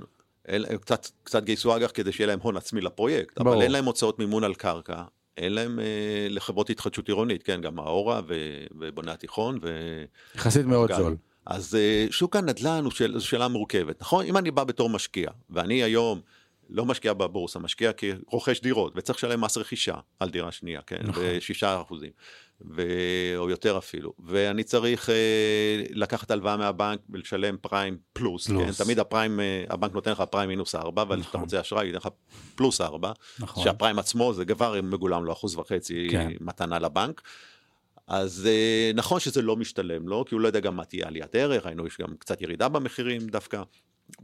שוב, אתה אומר ירידה, אז ירדו נניח מתחילת שנה המחירים בשלושה אחוזים, אני מאוד לארג', לדעתי הם ירדו פחות, אבל נניח שלושה אחוזים. אז רגע, אז מה? אז זה, כאילו, למה אתה צריך למדוד את זה קלנדרית? למה לא למדוד את זה משנתיים, ואז אתה רואה שיש לך עלייה של 17. נכון. אני לא יודע, כל מיני לקונות כאלה שאתה יודע, אתה אומר, אה, הנה, יש ירידת מחירים. אז בתור משקיע פרופר שבא ויש לו מיליון שקלים והוא הוא, הוא רוצה לקנות את הדירה, אני לא מדבר על מי שרוצה דירת מגורים, כן. אבל משקיע, נכון, זה פחות אטרקטיבי עכשיו. יש לו אלטרנטיבות אחרות. רואים את זה, דרך אגב, מזווית אחרת, בכל הקרנות האלה האלטרנטיביות של נכון. IBI והפניקס ופגאיה וכאלה. כן. אתה אומר, אוקיי, שישה אחוזים אני יכול לקבל פיקדון דולרי בבנק, למה אני צריך את, את כל הכאב ראש הזה של הקרנות CCF ואשראי ונדל"ן ומולטי פמילי ומולטי זה. אז אה, אותו דבר גם במשקיע נדל"ן, הוא אומר, אוקיי, אני לא צריך כרגע להשקיע. אבל הריבית גם תרד. כן. עכשיו אתה, אתה יכול לדבר על זה צד אחד, דיברנו על משקיעים. עכשיו יש לך את רוכשי הדיור. הרי בוא, אנשים לא יכולים לגור באוהל ברוטשילד, כן? ברור. או, או לגור עם ההורים, אה, לא כולם יכולים עם שלושה ילדים. כן. אז לא, גם... איפשהו יש ביקוש של 40-50 אלף אה, זה גם דירות ביקוש בשנה. קשיח. קשיח. די... בזמנים של משבר או מלחמה, אז יכול להיות שהוא ירד, הביקוש, רואים את זה. כן, אבל הוא גם בסופו של דבר, הוא יתפרץ. כן, אחרי וגם- הקורונה, וגם לא בוחן השקעה לנדל"ן בתקופת בחצי שנה. הקורונה, העסקאות היו די דומות למה שיש עכשיו. נכון. אלפיים אה, יחידות או שלושה ארבעה מיליארד שקל משכנתה, אבל מה, מה קרה שנה אחרי הקורונה? המחירים עלו ב-20 אחוזים. התפוצצו. אז אני לא, לא פוסל שזה יקרה גם uh, עכשיו, לצערי, גם לי יש ילדים שאני צריך לקרוא, לעזור להם, כן? Uh, אבל זה יכול לקרות גם ב-24, 25, ועל זה אנחנו בקרן בונים. הבנתי. Uh, ההשקעה מאוד uh, גדולה שלנו היא בתחום הנדל"ן ו- ו- ומסביב, גם לחברות תומכות. מימון נדל"ן וכן הלאה, אבל גם אומרת- בחברות נדל"ן ובעיקר התחדשות עירונית, אנחנו אומרים, אוקיי, בואו נהיה אגרסיביים כן. בנדל"ן, אבל בואו נעשה את זה בשכל. לא רוצה. חברות בנייה שיש להן הוצאות מימון גבוהות, לא נכון. רוצה להשקיע בחברות כמו לצורך העניין חנן מור, מצטער שאני אומר אותו, כן, אבל, אה, אבל זה פשוט בחדשות הוא עכשיו ובתקשורת, כמו, כמו אלטשולר של בתי השקעות לפני שנתיים. כן, בדיוק. לצערנו. גם נושא מעניין. אה, אז אני רוצה בהתחדשות עירונית, האורה, אבגד ובוני התיכון וכן הלאה. במקרה יש לנו פוזיציה גדולה באבגד, כי היא, היא בקטגוריה של חברות שהן גם התחדשות עירונית וגם לפני פריצה אה. שאנחנו מקווים אליה. אז זה מהצד של, בוא נאמר, שוק ההון. מהצד של משקיע שרוכש דירה. אני, אתמול ב- בכנס, בכנס הריסה הזה, איך שזה נקרא, אה, דיברתי עם רוכשים, זוג צעיר, ו- ואני אומר להם, מה, מאיפה באתם? למה, למה קניתם פה? וזה... אז אמרו לי, "אהב- אהבנו שני דברים, קנינו מש, שני טעמים, הם באו מהוד השרון. סבבה. משני טעמים. טעם הראשון, מימון, 20-80. הם רוכשים עכשיו, משלמים 20 אחוז, וכשהפרויקט יהיה מוכן עוד שלוש שנים, ישלמו את השאר. אז זה נוח להם במקום לקנות עכשיו דירה בהוד השרון ולשלם, להוציא שניים כן. וחצי מיליון, קנו דירה של שלושה חדרים, שניים וחצי אה, מיליון מהכיס, וזה הוצאות מימון, משכנתה נכון. וכן הלאה. אה, סיבה שנייה שהם קנו, הם אמרו לי, אנחנו חושבים שאנחנו נהיה הדור האחרון, עכשיו זה באמת חשוב לי לומר את זה, גם לא קשור להשקעות, לקרן, שיוכל. לקנות דירה משלו. שיוכל לקנות דירה. אני אומר להם, מה זאת אומרת? המחירים, היא תהיה עלייה בגלל האנטישמיות. אה, תהיה כאן מחסור בגלל שלא בונים, אין, לא ניגשים למח, למכרזים של רמ"י. אה, המחירים יעלו כי קבלנים בסופו של דבר יש להם את הדוח אפס הזה, כן? הם לא יכולים להוריד מחיר עד אין סוף. נכון. אה, ההיצע כאן יהיה קטן משמעותית מהביקוש, והדירות, המחירים רק יעלו. כן. ואני נוטה להסכים. ברור, זה כמו שאני חושב אני ש- חשבתי לעצמי שיש מצב שעל שכירות בתל אביב בעוד 5-6 שנים גם ישלמו על דירת שלושה חדרים 10 ו-11 ו-12. זאת אומרת שאתה... היום זה כבר המחירים. כן. אם אני מסתכל ככה, שאלה אחרונה ככה שתסכם לנו את הכל, שנה הקרובה ב- בשוקי ההון, אתמול התפרסם ה- אמ, אמ, מה שהפד חושב של כמה תהיה הריבית בשנתיים הקרובות, הוא אמר אה, שהוא צופה ירידה אגרסיבית אה, של לפחות אה, שלוש פעימות ב-2024 וכולי וכולי. וראינו את השוק מגיב בעלייה מטורפת, הורדת ריבית, האשראי יהיה טיפה פחות חנוק כמו שהוא עכשיו. איפה אתה רואה את זה? כי ה-S&P מסתכלים עליו בשלוש, חמש שנים האחרונות, 76 אחוזים, וואו. איפה אתה רואה את השנה הקרובה בשוקי ההון, וזה ככה טיפ זהב למשקיע הפרטי, שאתה אומר לו מכאן איזשהו צ'קליסט של מה לעשות. אני, אתה יודע, שאלה, אני לא, לא, לא מתיימר להיות נביא, אני כן יכול להגיד שהריבית הנוכחית, לא יודע בעולם, בישראל היא לא תימשך, היא לא יכולה להיות ברמות האלה, אני רואה שזה באמת אה, משקי בית, שהמשכנתה עלתה להם ב-2,000-3,000 שקלים, עסקים, אה, הנזק ש, ש, שיש בריבית הגבוהה עולה על התועלת, כן? אני גם באופן כללי לא חושב ש... זה נכון ברמה האקדמית שהעלאת הריבית תמתן את האינפלציה, אבל זה רק ברמה האקדמית. כן. כי, כי אם אתה הולך אה, ומסתובב בקניונים ובבתי קפה, אתה רואה שה... ובכיכר המדינה, אתה רואה שאנשים רוכשים וקונים, ולא מעט, אה, מי שכבר רוכש לא מעניינת אותו הריבית, כן? אז לוקחים, ממנפים את הכרטיסי אשראי. זה וזה. ברור. אז אני לא חושב ש... אני חושב שבנק ישראל שוגה במדיניות, במדיניות הזו, הרבה לא מסכימים איתי, ואני מבין אותם, אבל בתכלס, בפועל, זה סוג של כסת"ח העלאת הריבית הזו, היא עושה יותר נזק מתועלת, ודרך אגב, העלאת הריבית גם תורמת לאינפלציה. כן. אתה אומר, רגע, מה, מה אתה מפגר? איך העלאת הריבית זה הנשק המוניטרי של הממשלה להילחם באינפלציה. אבל אתה, אבל אתה אומר... אבל שכר דירה עולה. עכשיו, אותו משקיע שדיברת עליו uh, מקודם, וצריך לקחת פתאום, uh, הוא אומר, לא, בסדר, הוא לוקח את ההלוואה מהבנק, אתה חושב שהוא לא יגלם את זה בשכירות מהדייר? ברור. יגלם, וזה גורם לעלייה באינפלציה. שכר דירה. הוא מרכיב, מחירי הדיור לא, אבל שכר, שזה גם דבר מטומטם. נכון. אבל, אבל השכירות כן. בגלל זה גם אגב, אחד מה, מהדברים שהבנק המרכזי הפד ובנק ישראל רוצה לראות זה סוג של פיטורים, חבר'ה מה שנקרא שיוצאים לשוק האבטלה. כי ברגע שאנשים יצאו לשוק האבטלה, פיזית לא יהיה להם אפשרות לקנות, ופיזית הצריכה תרד כן. משמעותית, כמו שאמרת, פעם ריבית, כולם למדו בספרי הכלכלה, ריבית נכון. עוזרת למתן אינפלציה. יש, יש הרבה אקסיומות שאני חושב שהן גם שגויות, כל הקונספציה, מה שראינו כן. לצערנו גם אה, בחיל המודיעין ובצבא בכלל. את, אם אני, אני מסתכל על דברים אחרת, אני אומר למה? למה צריך להיות אבטלה כדי להוריד את האינפלציה? למה, לא, למה אבטלה זה דבר שלילי? אני לא נכון. רוצה שתהיה אבטלה, אני רוצה שיהיו מועסקים ויעודדו את הצריכה במשק. אז? אז שתהיה אינפלציה, אז מה? לאותה גברת כהן מחדרה, זה ביטוי ככה בשוק כן, ההון, הרבה יותר כואב בכיס הריבית הגבוהה מאשר האינפלציה. נכון. אנשים כאילו, אתה יודע, לפעמים אתה צריך להתעורר ולעשות זום אאוט ולהסתכל על המצב. האינפלציה זה לא דבר כזה רע. הריבית היא הרבה יותר נוראה והרבה יותר פוגעת להם בכיס מאשר, ה... מאשר אותה אינפלציה. אז היא תשלם על קילו עגבניות עשרה שקלים ולא תשעה שקלים. So what? אבל ברגע שהיא... מוציאים אותה מהבית כי היא לא יכולה לשלם את המשכנתה של אותו זוג צעיר, שעלתה להם ב-3,000, 4,000, 5,000 שקל בחודש, זה לדעתי הרבה יותר משפיע עליהם מאשר העלאה של מחיר העגבניות. נכון, אבל באיזשהו שלב צריך לשים גם את הקאט הזה, כי אם עכשיו גם... השוק ה... עושה את שלו, לא צריך שום קאט. יש שיווי משקל. אני לא צריך שבנק ישראל, שהוא באמת גוף שעושה לדעתי, אני לא רוצה להיכנס פה לדברים, לדברים אה, ככה של אה, סכנת תביעה או, או לשון הרע, אבל בוא ניתן, בוא ניתן דוגמה, מה, מה בנק ישראל עשה כשהריבית הייתה אפסית, מה הוא עשה למסלולי המשכנתה? אתה זוכר? תזכיר. אז אני אזכיר לך, הוא ביטל את מסלול הפריים. נכון. ושהריבית הייתה אפס. והוא, במישרין, או בהק... הוא, הוא גרם נזק עצום, למש... שהיו חייבים שליש אה, רק אה, לקחת נכון. צמוד פריים, שהפריים היה אפס, אפס, היה פריים מינוס אפס תשע. נכון. אז היית משלם אפס. הוא עשה נזק עצום למשקיעים. אז מבחינתך בנק ישראל... עשרות מיליארדים רווחים לבנקים, כי הוא חשב שהצמדה לריבית הפריים, אם בעתיד אה, תהיה העלאה, תגרום נזק למשקיעים. אז מבחינתך בנק ישראל לא צריך לבצע פעולות אקטיביות. כאילו הוא צריך... בהחלט, לשוק יעשה את שלו. אם אני הולך עכשיו, ואני גם באופן אישי שאני חושב שהמעמד הכלכלי שלי קצת מעל הממוצע, ואני הולך אה, ואני עוסק בספורט ותזונה נכונה ואני טבעוני, ואני הולך ורואה שקילו שזיפים עולה 29 שקלים, אני לא יוציא את הכרטיס, את האפל פיי, וישלם על זה, גם אם אני יכול לקנות 500 טון אה, שזיפים. כן. למה? כי אני נראה לי צורם, ולא לא, לא נראה לי נכון, ואני לא אקנה. אבל אתה, אז אתה השוק מסתכל, עושה את שלו. כן, אבל אתה מסתכל כבן אדם רציונל שמבין כלכלה, צריך להבין שאני לפחות פוגש את רוב האנשים שמבחינתם, כמו שאמרת.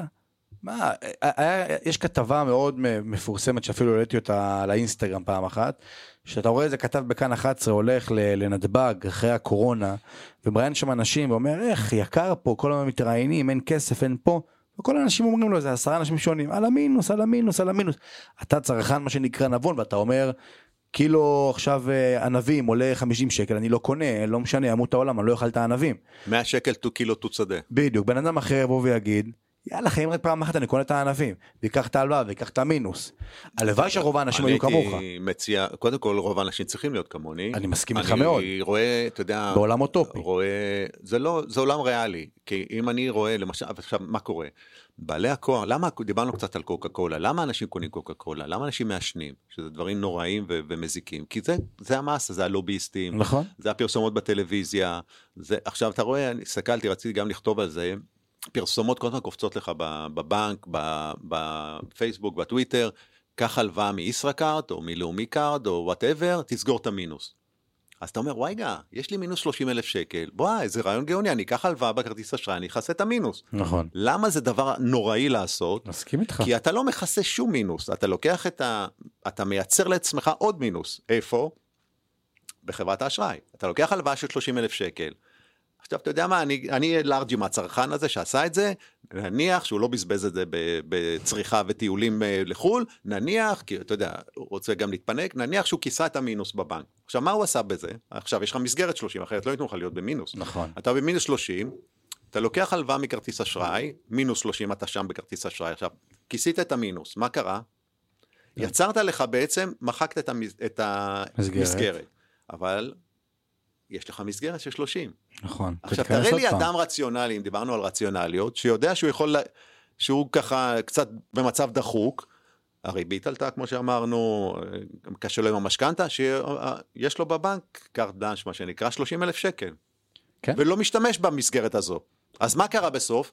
הוא גם במינוס 30 וגם ב-30 וגם במינוס חזרה הוא מגדיל את המסגרת. במקום מה שהוא צריך לעשות, זה בעצם להגדיל הכנסה ולהקטין הוצאה. כן, אבל... כדי עוד... לחסל את המינוס. אני, מה שנקרא, עם כל מה שאתה אומר, אני, אני מסכים ב, לא במאה אחוז, אלא במיליון אחוז, ולצערי, אני יכול להגיד לך, וזו הסיבה שאני בפעילות ברשת החברתית, 99 אחוזים מהאנשים שאני פוגש, שגם מגיעים אליי לתהליכים, לכל דבר כזה או אחר, הם אנשים שבדיוק נמצאים באותה בעיה, בדיוק כמו שאתה מדבר.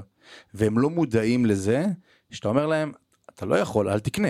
כאילו אם אני לא יכול אני לא אעשה אנשים שמחלקים תשלומים בקניות בסופר. דברים שאתה כאילו אומר איך אני יכול לחלק את התשלום על הדג שאני אוכל ביום שישי. הוא אומר ואז אתה רואה אותם אחרי עשרה חודשים מגיעים לתשלומים פתאום שמתחילים את החודש עם איזה מינוס שמונה כן. כי הם רק אה, מכל התשלומים שהם צברו. אתה יודע אחי גר בנורבגיה 15 אה, שנה ואין שם אין שם שני דברים בנורבגיה אין תשלומים ואין מינוס. וואלה. אז אתה אומר איך הם חיים. אה, חיים יופי. ברוך השם חיים טוב מאוד. תשלומים, אין תשלומים. אתה רוצה תשלומים, העלות מימון שם, אתה משלם כפול על המוצר. אין, כאילו כן. זה לא קיים. רק מישהו, אתה יודע, מכופפים לו את היד, אומרים לו, תשלם כפול שתיים. ואין מינוס. אתה מתכנן את התקציב שלך. כשאתה... חינוך פיננסי מהיסוד. יש איזה פתגם שעשיתי ורסיה לשיר של בוב דילן, אבל כשאתה עם הגב לקיר, אתה יכול לזוז רק קדימה, אתה לא יכול לזוז יותר אחורה. נכון. זאת אומרת, שאין לך כלום, אתה, כבר אין לך מה להפסיד. אז שאתה מתח... שלא נותנים לך את האשראי, אז אתה תצטמצם. נכון. מה לעשות, אז שת, לא תאכל במסעדה. נכון. ולא תיסע לחו"ל.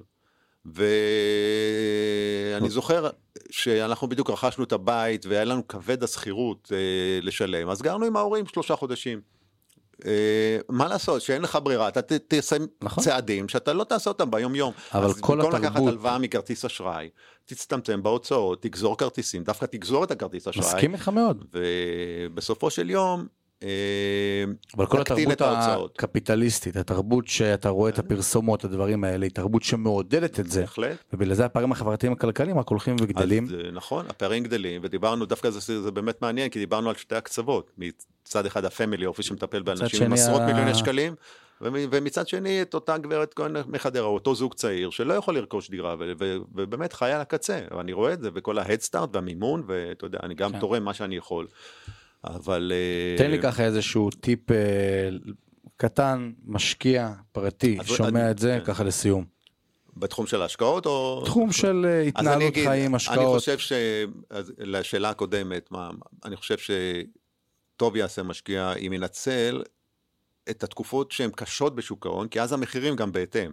זאת אומרת, היום הגיוני, או שהנסדק היה בעשרת אלפים, הגיוני להשקיע בנסדק. היום ש, שמחירי הנדל"ן נמוכים, או ש, שהמכפילים בארץ הם נמוכים, טוב אם ישקיע יותר ב, בישראל.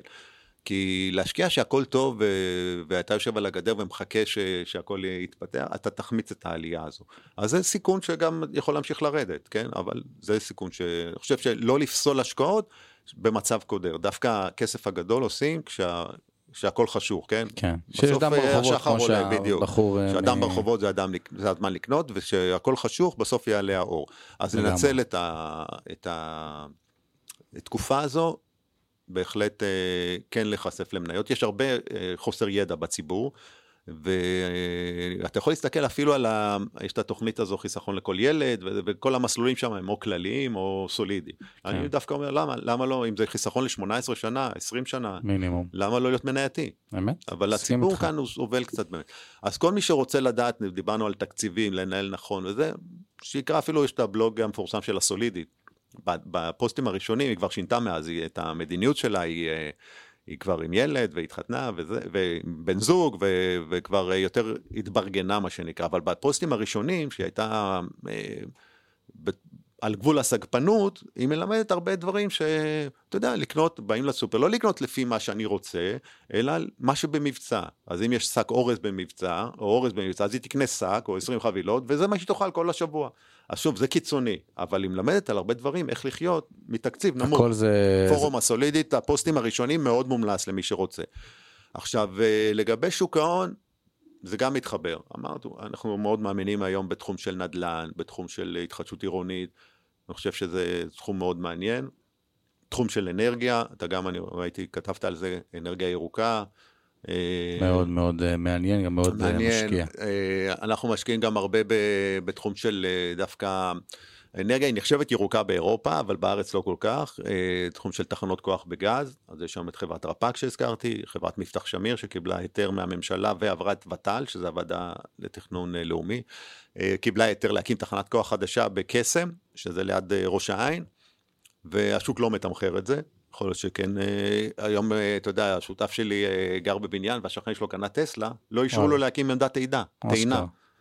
כאילו, הוא בא אליהם לוועד, אז מה, מה זאת אומרת, מה, רכשתי רכב ב-240 אלף שקל, הבניין לא עומד בעומס, לא יכול, כל אחד עם טסלה, לא יכולים להטעין, לא עושה כן. הפסקות חשמל. אז יכול להיות שבעתיד צריכת החשמל תעלה, כן. כל האנרגיה הירוקה, אבל צריכת החשמל תעלה. אז אז אה, חברה שעתידה להקים תחנת כוח, ראינו עכשיו את מכרז אשכול, שקבוצת דליה שילמה 9 מיליארד, הייתה מוכנה לשלם 12.4 מיליארד על התחנה, בסוף אה, בגלל ש-OPC הציעו 7, נכון. אז הם הורידו, לא משנה, זה ירד ל-9, לדעתי בטעות אה, גסה של חברת חשמל, שתעלה לנו עוד הרבה כסף, אבל יכול להיות שאם תחנה באשכול, לא, לא, מי שיודע את המיקום שלה, אז אה, כן. כן, יודע, עם כל היתרונות והחסרונות שלו, יכול להיות שתחנה במרכז הארץ, גבול ראש העין, אה, כפר סבא, אה, עושה שכל, ויכול להיות שהתמחור שלה אולי לא יהיה תשעה מיליארד, אז יהיה שלושה מיליארד. כן. ארבעה מיליארד. כן, זה... ויכול להיות שהוא יכול ללכת ולהסתכל על השווי שוק של מבטח שמיר, ולראות מה השווי שוק הזה, ומה הפוטנציאל שווי שוק שיהיה לתחנה הזו, ואם יש פער, יכול לחשוב להשקיע, אם אין פער, אז שלא ישקיע. כן. אבל, אני, אבל, אבל אלה כיווני המחשבה שלנו, שלי כמנהל קרן, מה יהיה באמת בעתיד. כי להשקיע לפי הקיים, לא, זה כבר... זה uh... באמת uh, בעייתי. כן. אז תחום האנרגיה באמצעות תחנות כוח, uh, תחום של נדל"ן באמצעות התחדשות עירונית, אלה האפיקים העיקריים שאני חושב שאותנו מעניינים ואולי יכולים לעניין, אבל כפליין ונילה, מה שמתאים לציבור הרחב, אל תתעסקו עם מניות ספציפיות וכל מיני שברים של מניות, היום פפר פיי של לאומי מאפשר כן. תקנו של, עזבו, תקנו קרן מחכה, יש שתפרסם את הקישור לגיליון, חינמי לחלוטין. ו... וגם חשוב, שלי. אה, וחשוב להגיד שכמות השאלות שעוד היה לי רצון ויכולת, מה שנקרא, לשאול היא, היא בלתי נגמרת. אה, נעשה פרק ב'. נעשה, זה בערך קורה לי עם כל בן אדם שני שמגיע לכאן. חייב להגיד לך קודם כל תודה רבה על, על הידע ועל הכמות אה, דברים שאני לקחתי באופן אישי, ואני בטוח שכל משקיע ייקח מהסתכלות על דברים וראייה קדימה, ואיך אה, צריך להסתכל על השקעות. תודה רבה גם לכם שצפיתם והקשבתם והאזנתם לעוד פרק של מפת החון, ניפגש פה שבוע הבא, אותו יום אותה שעה, שיהיה לכם שבוע מקסים. תודה רבה.